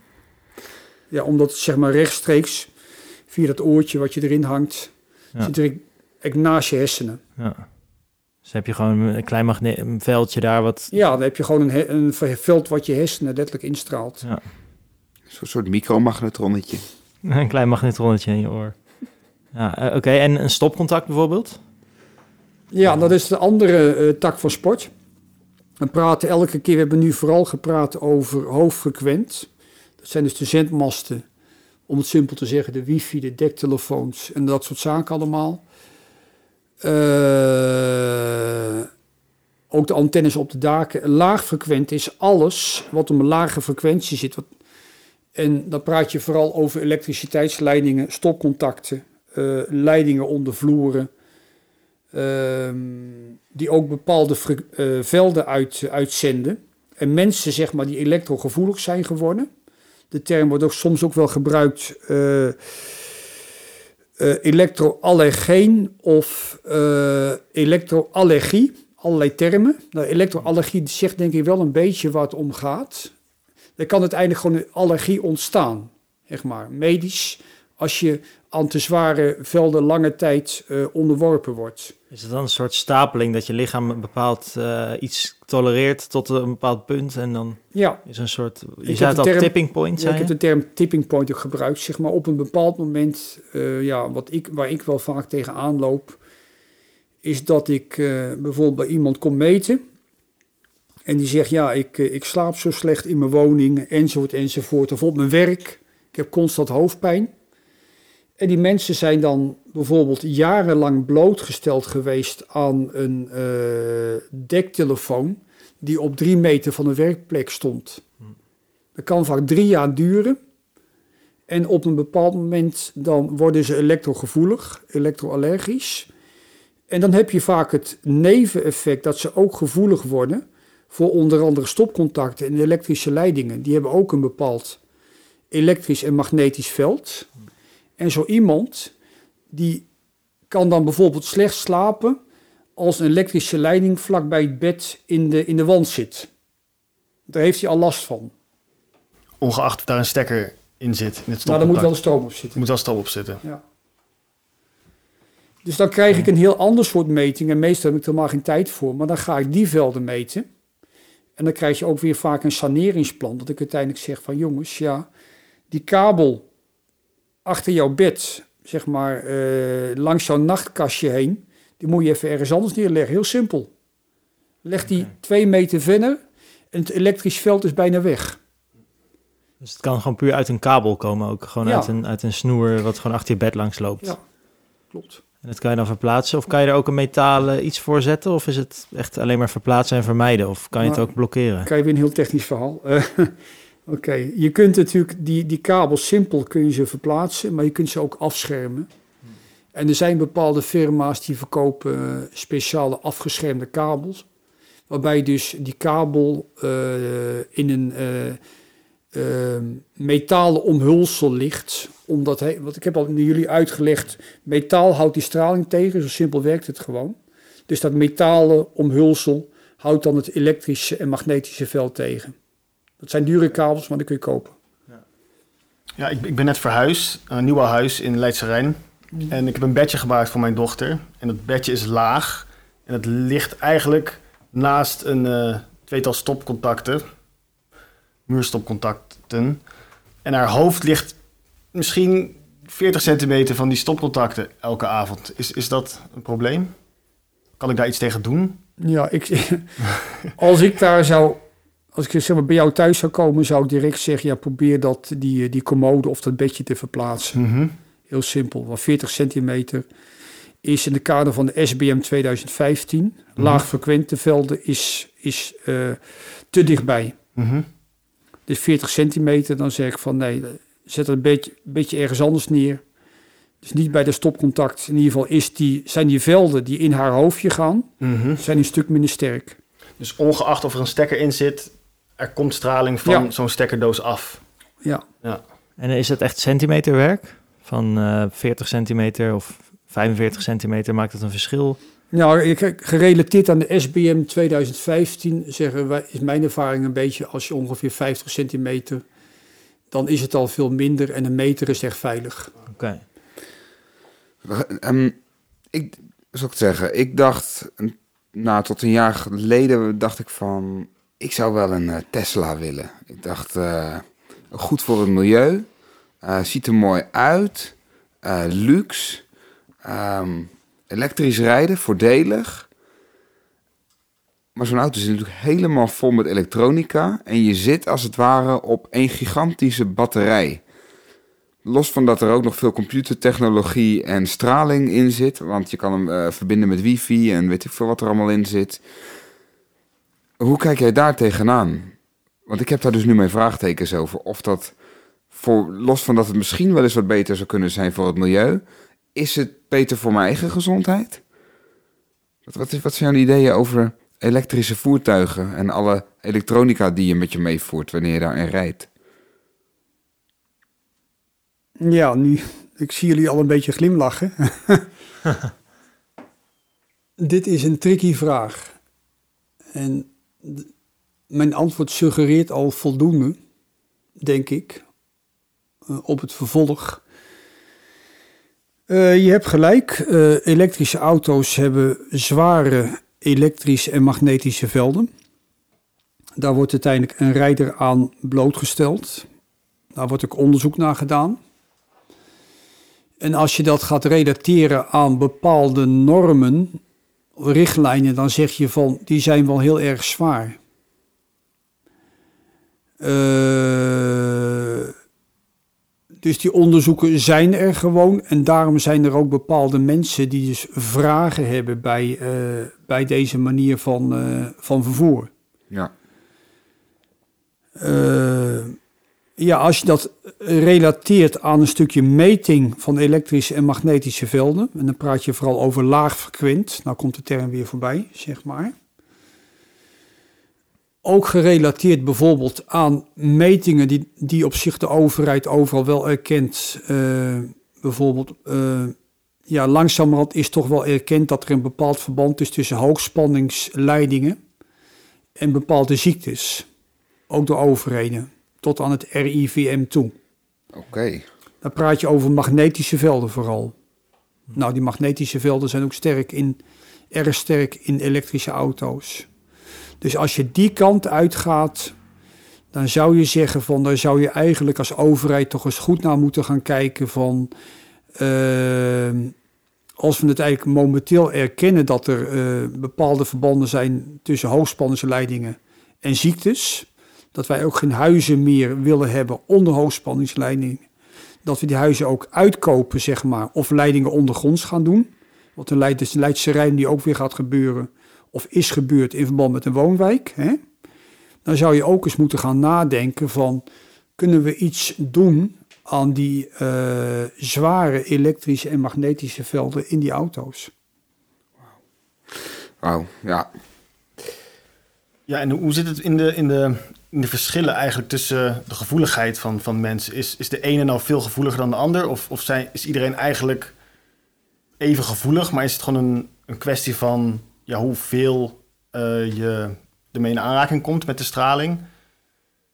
Of het, of het dan ophoopt en dat je op een soort van tipping point uitkomt en dat je dan gevoelig wordt? Of, of zijn sommige mensen gewoon genetisch uh, gevoeliger dan anderen? Ja, of, of beide? antwoord is, uh, is beide, denk ik. Ik denk dat er een bepaalde categorie is, gelukkig maar in Nederland, die er niet zo gevoelig voor is. Gelukkig maar, nogmaals. Nog, in ieder geval, nog. ja, die houden, zeg maar, die houden onze, onze, onze economie ook draaiende. Uh, er is een andere categorie, tipping point is al gebruikt, uh, die na een bepaalde periode uh, er gevoelig voor wordt. Maar ik ben ook mensen tegengekomen, echt beren van, ja, beren van kerels, om het simpel te zeggen, om de beeldspraak te gebruiken, die nergens last van hebben gehad, maar na een bepaald moment ineens heel gevoelig werden. En vooral als ze dus extreem zwaar belast uh, werden. En dat jarenlang ook doorging. Dus um, ja, als mensen zeg maar in, dat kader, en dat is ook een beetje het belangrijke denk ik van een podcast als, als dit. Als je van dit soort dingen uh, bewust wordt, kun je ook zorgen dat jij, altijd mijn, mijn motto die ook op mijn site staat, is gezond omgaan met, meer met straling. Het is er en ja, je kunt er niet aan ontkomen. Maar probeer er wel gezond mee om te gaan. Hè? Dat je het gewoon uh, op zo'n manier gebruikt en ontwijkt ook, of vermindert, dat je lang kunt blijven leven. Hè? Uh, dus als mensen die kennis hebben, dan kunnen ze bijvoorbeeld ook eens gaan zeggen: Nou, we hebben die draadloze telefoon en die zit op een bureau. An, an, een meter van mijn bureaustoel vandaan, op vol vermogen te zenden. Ik kan ook een eco-dektelefoon kopen die alleen maar gaat zenden als er een telefoonsignaal binnenkomt. Dan ben ik die, die, die hele belasting kwijt en ik heb wel een draadloze telefoon. En dat is denk ik het belangrijke van kennis. Als men hier niets van weet, dan stelt men zich uh, vaak onnodig uh, bloot aan die zware velden, terwijl het helemaal niet hoeft. Want de nieuwe technologie is er. Ja. En speelt leeftijd een rol? Krijg je ook klachten van kinderen bijvoorbeeld, of, of baby's, of... Of zijn juist ouderen gevoeliger of kwetsbaarder? Ja, ik heb nou een tijdje gedacht dat het voor ouderen waren, maar je ziet nu um, de klachten steeds jonger ontstaan. Vooral denk ik door de verslaving van de jeugd aan de smartphone. Ja. Dus de, die, die grens, die vroeger zeg maar rond de 50, 60 was, die schuift steeds meer naar beneden. En nu kom je al 20-jarigen tegen die dit soort klachten hebben. En dan praat ik trouwens niet alleen over oh, die hoofdpijn of zo. Maar ook van die praktische dingen. Als bijvoorbeeld uh, vermindering van uh, het oogzicht. Door het constant uh, turen op een schermpje. Wat ik uh, gelezen heb, um, is dat um, al deze straling ook invloed kan hebben op onze vruchtbaarheid. En met name als het gaat om de vruchtbaarheid bij mannen. Um, als ik kijk in mijn directe omgeving, en ik denk dat veel luisteraars zich daar ook in zullen of kunnen herkennen. Het dragen van de smartphone in de broekzak met eh, misschien wel de Bluetooth aan, de wifi aan of 4G aan. In enkele gevallen misschien al wel 5G. Ehm, ja, eh, in de broekzak. Zit er redelijk strak bij het eh, geslachtsorgaan, zou ik maar zeggen. Maar ook dames die dit soort mobiele, of dit soort, hè, hun smartphone dus dragen in hun BH. Lekker handig. Vooral, weet ik veel, op de campings, lekker weer. Stop hem zo op. Even Maar je wil geen tasje hebben. Ja, wil er geen tasje hebben. Of, eh, nee, je wil gewoon echt altijd bij je hebben. Je bent voortdurend mee bezig. Sterker nog, je bent verslaafd aan een apparaat. En het is bijna het verlengde geworden van ons. Want ik zal eh, eerlijk toegeven, ik heb ook een telefoonverslaving. En ik denk dat mensen die nu luisteren en, en, ze- en tegen zichzelf zeggen dat ze dat niet hebben... misschien wel tegen zichzelf aan het liegen zijn. Maar ik denk dat we gewoon met z'n allen best wel verslaafd zijn geraakt aan onze smartphones. Niet allemaal natuurlijk. Ehm, maar het apparaat dragen we voortdurend heel dicht op ons lichaam. K- kan je daar iets over zeggen? Heb je daar misschien iets van een eh, advies voor de luisteraar? Ja, wij zeggen als meedeskundigen die constant met ja, toch wel mensen met klachten te ma- maken hebben, afstand is je beste vriend. Dus dat zegt denk ik al voldoende. Anderhalve meter. Is lastig, maar ehm, kijk, eh, in de gebruiksaanwijzingen van ehm, elke smartphone staat iets dat je een telefoon in principe anderhalf, anderhalf centimeter van je hoofd moet houden. Dus niet direct op je lichaam. Alleen niemand leest dat. Staat in de, ergens in de, in de instructies, zeg maar. Dus dat zegt al voldoende. Dus de industrie heeft zich al afgedekt, omdat ze zeggen: hé jongens, we hebben gewaarschuwd, dat ding mag je niet zo tegen je hoofd plakken, zeg maar, direct. Eh, wat betreft eh, de, de jonge mannen met de telefoon, zeg maar, met al het mobiel internet aan, direct bij een kruis. Ja, daar zeg ik ook bij mezelf van. Er zijn eh, redelijk wat, we praten weer over de wetenschap, onderzoeken geweest die dus uiteindelijk bepaalde ziektes kausaal verband leggen tussen de plek van de smartphone en bepaalde klachten, onder andere vruchtbaarheid, waar jij het over had. Dan kun je gewoon op internet kun je er gewoon nazoeken. Als je de juiste zoekwoorden intoetst, kom je dat tegen, zeg maar. Inclusief het verhaal van eh, de dames die uiteindelijk de smartphone achter het BH-beugelbandje doen. Dan En moet, ik, het- dan moet ik denken aan, aan zaken als borst, borstkanker. Tumoren. Wauw. is onderzoek naar, eh, naar gedaan, ja, en ook eh, goed. Dus dat kun je allemaal op internet vinden, dat soort, dat soort zaken zo.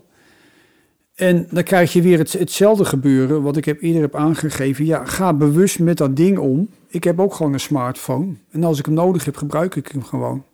Maar heel vaak zet ik die, eh, dat, dat mobiel internet gewoon uit. Ja. Dus het is heel simpel, die, die, die, die telefoons, je kunt ze gewoon even swipen op je, op je schermpje. Als je mobiel internet aanzet, heb je het direct beschikbaar. Dat is echt in 2, 3 seconden. Is het daar, zeg maar. Ja. Gebruik het dan, dan zet het weer uit. Dan is de belasting van die smartphone op jouw lichaam is al veel minder. En ja, ik zeg persoonlijk ook vaak tegen jongens, eh, ik wil natuurlijk niet elke keer iemand lastigvallen. Als je die telefoon constant bij je wil hebben met alles erop en aan, dus bluetooth, wifi en internet ingeschakeld, doe het dan in je kontzak. En ik denk dat je nu wel begrijpt waarom. Ja. In ieder geval is de afstand toch een stukje groter. Ja, ja, ja. Oh, ja. Nou, dankjewel. Ja, Goeie tips. Ja, zeker. Ja. Het is eh, grappig. eh, toevallig, eh, voordat we deze podcast begonnen, voelde ik mijn telefoon in mijn zak zitten, mijn broekzak. Toen dacht ik, ah, misschien kan ik hem beter in mijn kontzak doen. Omdat ik me nu beter iets bewuster ben hiervan. En eh, zou het ook iets, is het ook een tip om bijvoorbeeld je, vlie- je vliegtuigmodus 's s'nachts aan te zetten of zo? Of, Ja.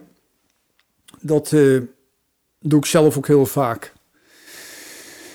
Eh, of leg die telefoon gewoon eh, twee meter van je bed vandaan. Ja. Maar niet op je nachtkastje. ik ken ook mensen die zeg maar met hun telefoon onder hun kussen slapen. eh, en dan de wekker zetten of ze willen geen bericht missen. Nou, dat lijkt me een recept Onder voor een, problemen. onder een hoofdkussen, ja. Ja, die ken ik ook, ja. Want een kussen blokkeert geen straling, neem ik aan. Natuurlijk niet, nee. Want ik zag ook een filmpje van een, een vlogger die een boerderij had die die eh, elektromagnetische straling vrij wilde maken. En toen had hij, dat was in Amerika, en had Hmm. bepaalde verf gekocht. Hij zei dat ze dat in het Amerikaanse leger gebruikten voor stealth machines. Ja. En ehm, ja, hij heeft dus, dat was zwarte verf. Hij heeft hij zijn hele huis eh, zwart geverfd. En toen? En de buren vonden het wel apart Oh, ja, Even van de buitenkant gedaan. van de buitenkant, ja. Oh, van buiten. Oh. En hij had dus een paar apparaten en heeft hij een filmpje. En dan is hij eerst in huis en dan had hij bepaalde metingen die heel hoog waren. En dan had hij het daarna geverfd. En hij zei dat de metingen een stuk minder waren. Eh, hij had het nog steeds een beetje. Ehm, maar hij wilde zijn slaapkamer helemaal stralingvrij maken. Hm. En eh, ja, heb jij daar wel eens iets van gehoord? Van dat soort verf waarmee je gewoon eh, je huis, dus stel dat je je huis van binnen daarmee verft, dat dat zou kunnen helpen. Ik kan me voorstellen een laag zwart en een laag wit eroverheen of zo. Ja. Zou- is dat echt iets, zou dat kunnen dat dat waar is? Of, eh, Ja, kijk, deze verf, die, eh, die, eh, die klopt, die worden verkocht. En eh, die zijn een koolstofbasis waar ook weer een gedeelte metaal in verwerkt wordt. En daarbij kun je uiteindelijk gewoon het hoogfrequente veld, trouwens ook speciale verven voor laagfrequent of een combinatie, kun je afschermen. Het risico is alleen, als je dat niet goed doet en je houdt dus in een kamer nog bepaalde stralingsbronnen over, dat de straling gaat kaatsen. En dan maak je het vaak veel erger. Want dan krijg je dus, dan gaat een straal gaat, eh, zoveel keer door de kamer heen, eh, dat kan heen kaatsen. ja, In plaats van dat hij normaal door de wand naar buiten gaat. oké. Dus je kunt uiteindelijk, als je dat verkeerd doet, niet goed, dan kun je je huis op dat gebied min of meer onleefbaar maken. Dus in dat geval kan je beter een, een pro inschakelen, zoals jij, die dan komt en dingen meet en het dan daarna nog een keer meet om te kijken of ja, het echt... ja, eh, precies. eh, weten, weten wat je doet. Want eh, ja, als je min of meer met verf gaat werken en, en allemaal met dit soort dingen niet rekening eh, houdt. Er zijn ook van die, eh, die mensen die willen dan, die verf is redelijk duur en pakken dan zilverpapier. Maar als je het verkeerd aanbrengt en eh, je houdt er geen rekening mee dat bijvoorbeeld dat... je houdt alleen rekening met de zendmast aan de ene kant van het huis, maar aan de andere kant zit de buurman met die dektelefoon. Dan zit hij vrolijk tegen jouw wand aan te kaatsen. En gaat dwars door je hoofd heen de hele tijd. Zulke dingen. Ja, want je vertelde ook ehm, voor de podcast eventjes over verschillende meetapparatuur. Dat er ook op internet bepaalde apparaatjes worden aangeboden die niet echt eh, betrouwbaar zijn. Die meten maar een bepaald soort straling. En dat dat ook, ik kan me voorstellen dat sommige mensen bijvoorbeeld zo'n apparaatje kopen om hun huis door te meten. En dat ze Of denken dat ze goed bezig zijn. Of huren, maar dat is dus een iets eh, complexer iets dan, dan het lijkt. Zou je daar iets over willen vertellen? Ja, je hebt bepaalde eh, meetapparatuur die veel voor, huringen, voor wordt, eh, veel verhuurd wordt. Ehm, alleen die pakken niet de lage frequenties. Nou, bij Ruud heb ik onder andere eh, die C2000 heel duidelijk gemeten. En die zit dus onder het bereik van die goedkopere meters. En een C2000 is? Dat is de, de frequentie, eh, het zendsysteem van de, de, de, de overheid. Dus de brandweer, politie en ambulances. Oké. En die was bij Ruud het sterkst? Of? Die was heel sterk bij Ruud, ja. ja. Oké. Oftewel, in het buitenland heet het vaak Tetra. Oké, en die was er dus altijd al, ook voordat die mast op je dak werd Ja, gezet. zeker. Ja, Hmm. ja. Zeg maar, dat had te maken met eh, ja, zeg maar de locatie. En als je dus een meter hebt waarbij dus uiteindelijk die frequenties niet gemeten kunnen worden, dan denk je van misschien dat je er wel goed zat. Want naderhand heb ik ook in zijn appartement eh, even gemeten zonder dat frequentiebereik. En toen werden de getallen ineens een stuk positiever. Oké. Toen zei ik ook tegen Ruud en zijn vriendin dat ik zei van nou op basis van deze getallen zou ik misschien nog tot, tot een saneringsadvies willen komen. Maar met dat erbij, dan, eh, ja, nee, dan eh, was de boodschap duidelijk. Ja. Dus dan kan je het beter eh, ontwijken of zo. Of ontlopen dan als het zo hoog is. nou ja, dan- kijk, Ruud heeft daar een, bep- en zijn vriendin hebben daar een bepaalde keuze in gemaakt. En, Ja. ja. die kan ik beamen. Ik denk ook goed dat het, dat het is gebeurd. Want op een bepaald moment zeg ik ook wel als meedeskundige, maar ook als preventiespecialist. Ja, hier houdt het een keertje op. Ik denk dat ik met alle technische middelen, dat ik niet voldoende kan doen om die straling, om die elektromagnetische velden, velden op een bepaald niveau te brengen. Eh, ja, dus, dus ja, wat, eh, wat eh, moet je dan met al je, al je kennis en middelen? En dan blijft er vaak maar één ding over en dat is verhuizen. Ja. En dan kan je dus op dat antennenet, uh, misschien waar je het over had in het begin, kijken waar Antenneregister. Sorry? Antenneregister. Is dat gewoon een website waar iedereen op kan komen? Ja, dat is openbaar gewoon. Dus uiteindelijk, dat is een voorziening van de overheid, waarbij dus uh, alle zendamateurs vaste verbindingen, dat zijn die schoteltjes. Die schotel heet dan een vaste verbinding, VV. Uh, en daarnaast 2G, 3G, 4G en ook 5G opstaan. Okay, Tetra, C2000 staat er niet op. Okay, Wat nou. is eigenlijk, ja, uh, in verband met nationale veiligheid. Dat men liever niet ja. wilt, weet dat je gewoon precies weet waar al de uh, zendmasten staan van de politie. Oké, okay, ja. nou, we zullen onder deze podcast ook deze link naar deze website neerzetten. Dat je als luisteraar ook kan kijken of er, wat er bij jou in de buurt staat. En uh, waar, ik vroeg me nog af, waar, waar woon je zelf eigenlijk en hoe, hoe ziet je huis eruit?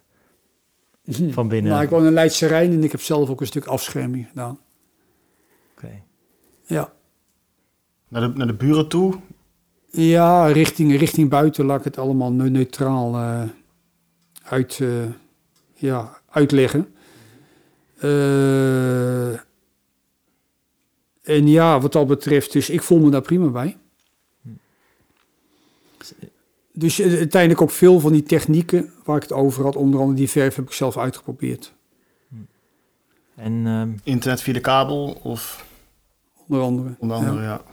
Ja, want ik zei ook al tegen, tegen, tegen Ruud uh, toen met die metingen dat ik was. In het begin had ik ook alles straatloos. Ja. Daar ben ik mee begonnen. Ja, lekker handig. Ja, lekker handig, handig precies. Dat scheelt je allemaal gedoe met, met kabels en leidingen en dat soort dingen. En allemaal kastjes, kost allemaal weer geld. Terwijl als je de wifi-router in principe aanzet, die staan altijd op draadloos ook. Dus je hoeft alleen maar eventjes je, je smartphone erop aan te passen. Heb je internet of je, of je laptop. Dat is veel minder tijd roven dan de andere. Ja, nu ben ik heel blij omdat ik het allemaal bekabeld heb. Ja. Alleen ik heb uiteindelijk ook nog mijn hele huis extra moeten laten bekabelen met veel geld. Om overal die leidingen te krijgen. Hmm. Ik, ik had dat niet. Dus al met al heeft die hele exercitie heeft me veel geld gekost, ja. Dat is in de muur, de bekabeling in de muur echt... Uh... Ja, er zijn geen dure grappen. Het zijn, nou, sorry, het zijn geen goedkope grappen. Goedkope, ja. Het is wel een nieuwbouwhuis, omdat het in, in Leidse Rijn is, parkwerk, dus... Ja, was één geluk. Er zaten uh, allemaal nog loze leidingen in. Kijk. En tegenwoordig natuurlijk, het was toch voor de periode dat in ieder geval dat de wifi aan het opkomen was. Dat huis is in 2003 uh, gebouwd. Dus toen was het allemaal nog redelijk nieuw. Ja, ik kan me voorstellen dat momenteel de meeste huizen niet meer de loze leidingen hebben. Dat kost natuurlijk extra in de bouwprijs. Dus dan heb je, als je dan een leiding wil gaan aanleggen, dan moet je, om het simpel te zeggen, vaak via een plint gaan werken. En dan pak je een uh, stukje techniek natuurlijk. Dan pak je uiteindelijk een holle plint. Maar die zul je wel door je hele huis in moeten doen. Ja dat, dat, dat vooral met betrekking tot woningen. Hè? En um, nou, jij, jij, geeft advies op maat bij de mensen waarbij je over de vloer komt. En uh, dat doe je heel nauwkeurig, want dat heb ik zelf ervaren. Hmm. Um, nou is de leefomgeving van mensen is natuurlijk ook buiten op straat. Nou goed, eh, dat hebben, we maar te nemen um, voor een groot gedeelte. Als het gaat om eh, de gevolgen. Je hebt al een aantal tips gegeven over hoe we, denk ik ook vooral met z'n allen, invloed kunnen uitoefenen op de oorzaken van, van deze magnetische soep, zal ik maar zeggen, of, of stralingssoep. Maar op het moment dat we onderweg zijn, en ik denk dat ook veel luisteraars zich daarin herkennen. Op het moment dat ik in de auto stap, dan uh, doe ik even een, uh, headphone in. En dan, uh, ondanks dat mijn telefoon dan vaak niet meer in mijn broek, mm. met alles wat ik nu weet.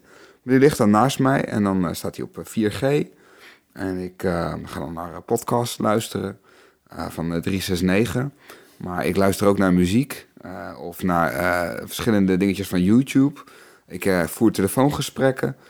Kortom, dus op het moment dat ik van A naar B ga in de auto, dan is dat, vind ik altijd een prettig moment om lekker gebruik te maken van al die functionaliteiten van die smartphone. Mm. Maar jij vertelde mij iets, en ik denk wel dat het goed is om dat nog even uit te lichten. Over hoe straling ook kan kaatsen. En volgens mij benoemde jij dat zo'n auto ook um, een soort kooiconstructie is in deze. Ja, dat klopt. Kijk, een, een auto is nog steeds opgebouwd uit uh, metalen platen aan de zijkant en de onderkant. Ik heb jullie al aangegeven dat metaal houdt straling tegen. Maar het kaatst ook. Dat betekent dat je in je auto, zeg maar, dat eh, het signaal van je, van, je, van je Bluetooth en je wifi, om het simpel te zeggen, dat kaatst ook elke keer weer tegen dat metaal van je portieren of je dak of zo, waardoor het steeds weer terugkomt. En het is maar een beetje afhankelijk van hoe je auto eruit is opgebouwd of het makkelijk naar buiten kan. Dus als je al die dingen aan, uh, aan hebt, dan krijg je natuurlijk toch uh, een steeds zwaardere belasting aan elektro elektromagnetische velden. En zeker met de moderne auto's die natuurlijk helemaal volgehangen zijn met allerlei draadloze zinnetjes. Alles. Zeg maar. Dus uh, ja, ik, ik zal je één voorbeeldje geven om het uh, concreet te maken. Ik ken een wat oudere man. En die, zeg maar, die is ook de tipping point. Een aantal jaren geleden is die gepasseerd. Die kan momenteel alleen nog maar met een Mercedes rijden uit de jaren 80 die helemaal mechanisch is. Zo. Zeg maar een, een, een accu voor de lampen en, ja. en de klakson. Ja, ja. Maar waar, waar dus totaal geen elektronische, geen inspuitmechanisme en dergelijke in zitten. Gewoon, ja, wel een inspuitmechanisme, alles nog mechanisch met een plumper en dergelijke. Die man die kan gewoon niet in een moderne auto rijden. Dan wordt hij, na een tijdje voelt hij zich ontzettend ongelukkig en dan moet hij stoppen met rijden. Dus dat zegt denk ik wel voldoende over gevoeligheid die kan ontstaan in een personenauto. Is gewoon helemaal allergisch eigenlijk voor alle vormen van elektrosmog. Ja. Ik ken toevallig ook iemand uh, die dat ook uh, heel erg had. Die Mhm. heb ik in Engeland ontmoet. En die uh, kon niet eens in de buurt komen inderdaad van mobiele telefoons. Dus die was helemaal, heeft in een caravan ergens in de natuur. En als je met haar af wilde spreken, dan moest je gewoon je telefoon op de vliegtuigmodus en alles. En toen was ik me hier nog helemaal niet van bewust. Dus ik had zoiets van, nou, wat zou dit wel echt zo zijn? Maar nu ik dit allemaal hoor, snap ik ook beter dat zij misschien de tipping point had bereikt. En dat er misschien wel meer mensen in de toekomst hier mm. misschien last van krijgen. Heb ik nog één vraag. Zou Klopt het... ook, ja, dat zijn zeg maar de mensen...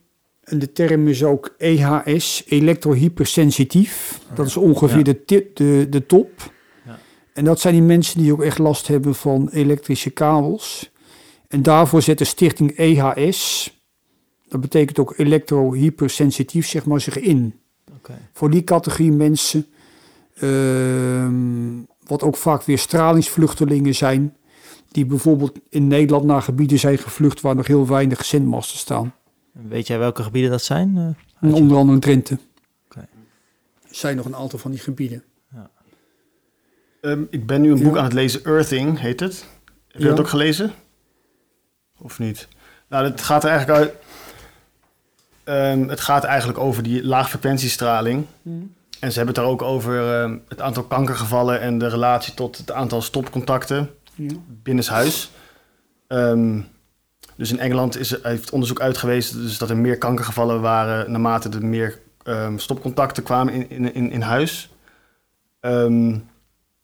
En de invloed daarvan op, op het menselijk lichaam.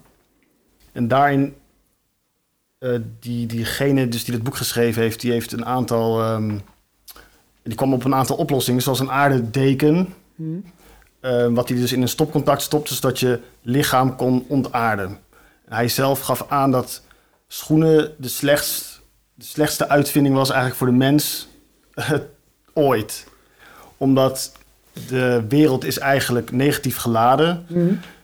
Ehm, er komt heel veel positief geladen straling op ons af, waardoor wij dus in de war zijn. Heel veel klachten, inflammatie, astma, et cetera. Ehm, omdat we dus niet die...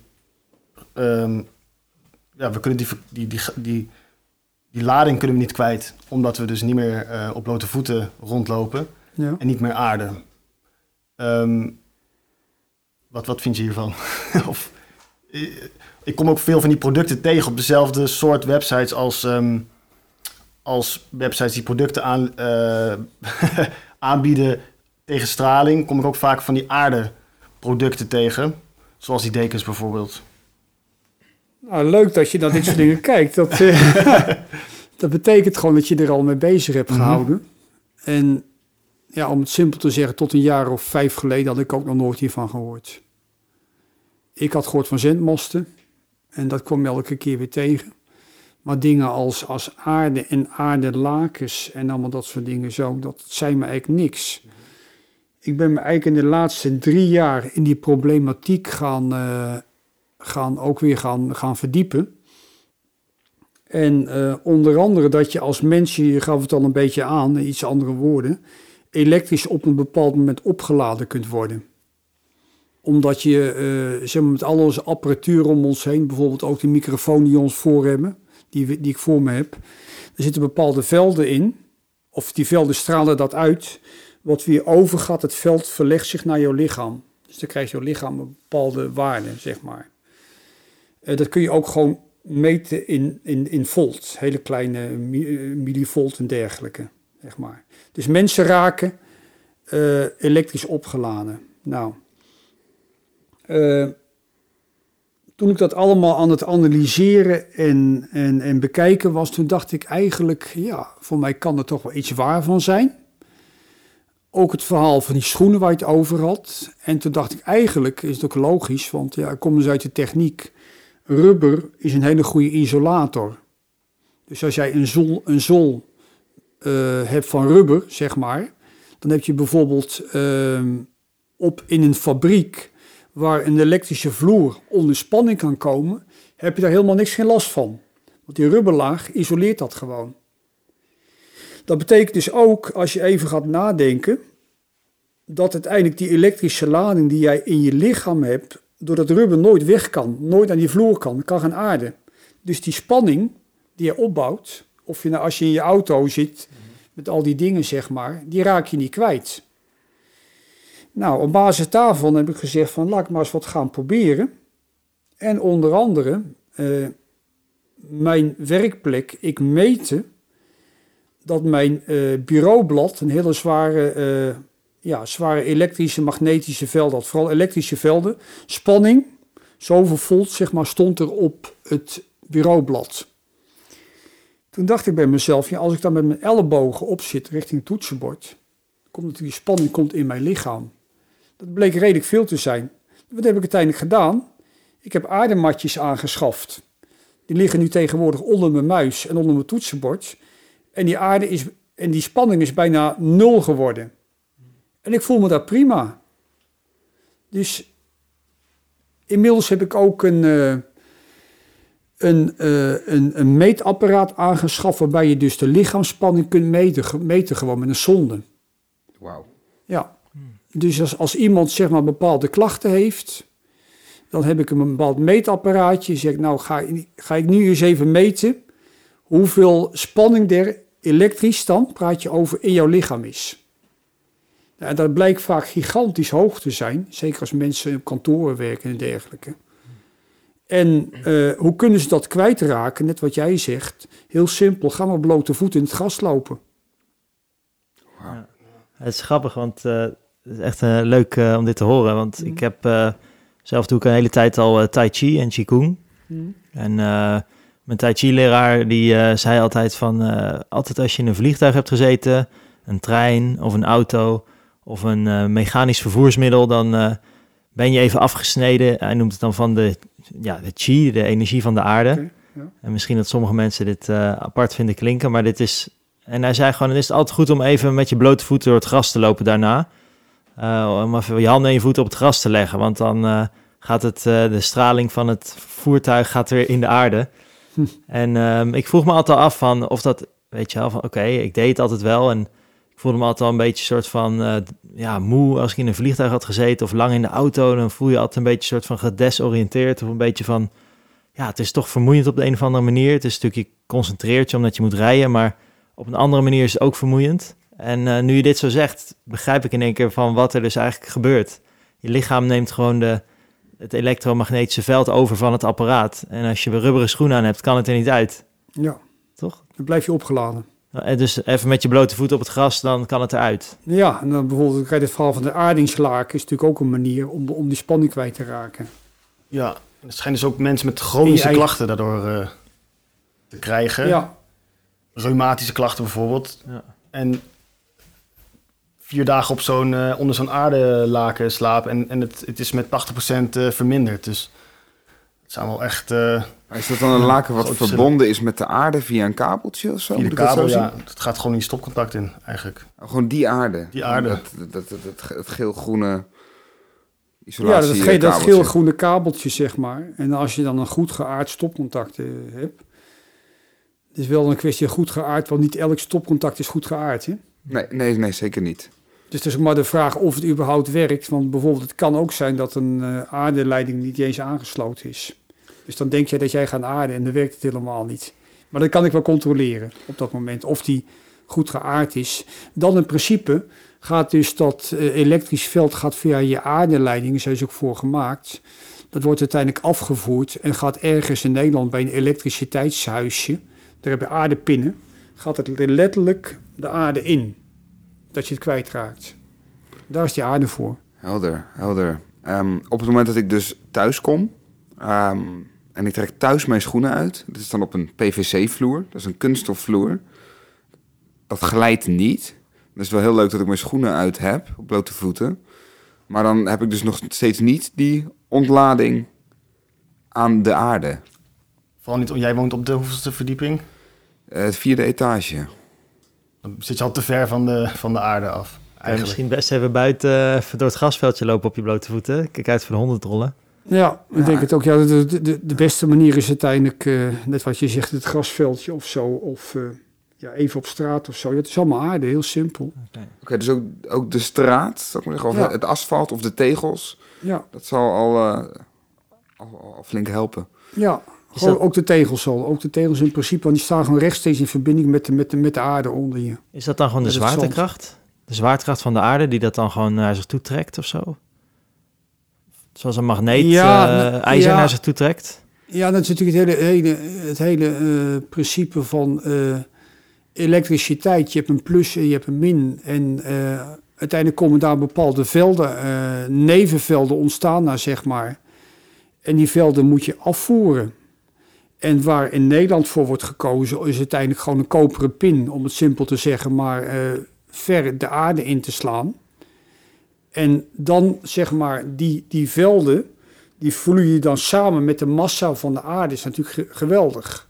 Dan raak je dat gewoon kwijt. Ja. Dus daar is dat hele principe op, eh, op bedoeld. Eh, ja, als je even... Maar het kan soms zijn in je woning dat, eh, dat je niet voldoende aarde hebt. Dan kun je meten met ohms, met weerstand, zeg maar. En is je aarde niet goed. En er zijn sommige mensen, en dan kijken jouw kant weer uit, die slaan dan een aparte aardepen. Want dan zeggen ze van ja, de, de, de aarde zeg maar via het elektriciteitshuisje, dat is niet voldoende. En ik ga nu zelf zo'n pen aanschaffen en die sla ik zelf in de grond. En die dan gaat een extern draad gaat dan Ja, je huis binnen. Of je ik ken binnen. toevallig ook iemand die dit heeft gedaan. Die eh, uiteindelijk een extern draadje gewoon naar buiten heeft gedaan. En ja, die mensen die geloofden echt in. En ik was daar begin, en praat ik weer over, over sceptisch. Ik was begin heel sceptisch over. Ik dacht, ja, een beetje flauwekul, aarde of zo. Hè? Maar ja, nu ben ik zelf ook wel weer bekeerd. En dat zie je wel een beetje met mijn verhaal over alles draadloos in mijn huis. Langzaam weet je zoveel dat je heel bewust op basis van je kennis eh, je leven ook gaat omgooien. Dus meten is weten. En als je weet, dan ga je er dus ook op anticiperen. Dat klopt, meten is weten en ja, ga je op anticiperen. En dan gerelateerd aan al die mensen die je dan tegenkomt. Ja, dus je wordt je er bewust van en dan ga je in één keer je leven aanpassen op wat je in je bewustzijn hebt. Maar op het Ja, moment dat je er niet bewust van bent, dan kan je zomaar jezelf eh, ja, laden met allerlei elektrische apparaten en het nooit ontladen tot je de tipping point bereikt. ja, ja. En dan word je vaak, krijgen mensen vaak eh, allerlei klachten. Ja. Alleen, eh, dan kom je bij een dokter en dan worden vaak, heel vaak dan, er zijn bepaalde uitzonderingen, maar heel veel doktoren, ja, die leiden het naar allerlei oorzaken, maar niet dit. Ja. Omdat dit gewoon niet eh, echt misschien Het wordt niet, het wordt niet erkend. In, in medische opleidingen wordt hier geen aandacht aan besteed of zo, zodat het... Dat weet ik niet. Ik ben, Nee. eh, ik ben Nee. wel, wel een zoon van een medicus, maar mijn Ja. vader is al een tijdje overleden. nee, ik weet het ook niet hoor. Ik, het is gewoon een, eh, Eh, kijk, zolang in ieder geval in Nederland de Gezondheidsraad, dat is het belangrijkste adviesorgaan van de overheid, zegt uh, het is allemaal niet bewezen aantoonbaar, al die effecten waar we over gepraat hebben. Dan zal, de, dan zal naar mijn mening ook een, een dokter zeggen, ja, daar kan ik niks mee. Dat klinkt misschien hard, maar dat is denk ik wel, wel de, de, de realiteit. Dus in dat geval zouden ze mensen die er gewoon fysiek last van hebben, zoals Ruud, kan dan beter uh, bijvoorbeeld bij jou een meting laten doen. En dan uh, op die manier kijken of je ja, een gepast uh, advies kan geven. Of is dat. Nou, ik, ik kan me zelfs voorstellen dat of je nou klachten hebt of niet. Want heb je klachten, dan, dan, dan, dan, ja, dan, is dat, zit je al aan de late kant, denk ik. Um, dat het voor iedereen gewoon ontzettend interessant kan zijn om te weten uh, als je durft tenminste, als je durft te weten uh, hoe het zit met, je met de elektromagnetische straling in je eigen leefomgeving. Um, en als je dat weet, naar aanleiding van zo'n meting, dan kan je daar dus uh, op anticiperen. Um, en dan ga ik nog eventjes een, een bruggetje maken en dat mm. we even ook terug te brengen naar wat jij doet met emvmeting.nu. Want dat is ook jouw, jouw site. Wat kunnen mensen verwachten op het moment dat ehm, jij bij zij langskomt. Jij bij hun langskomt. Hoe gaat het in zijn werk?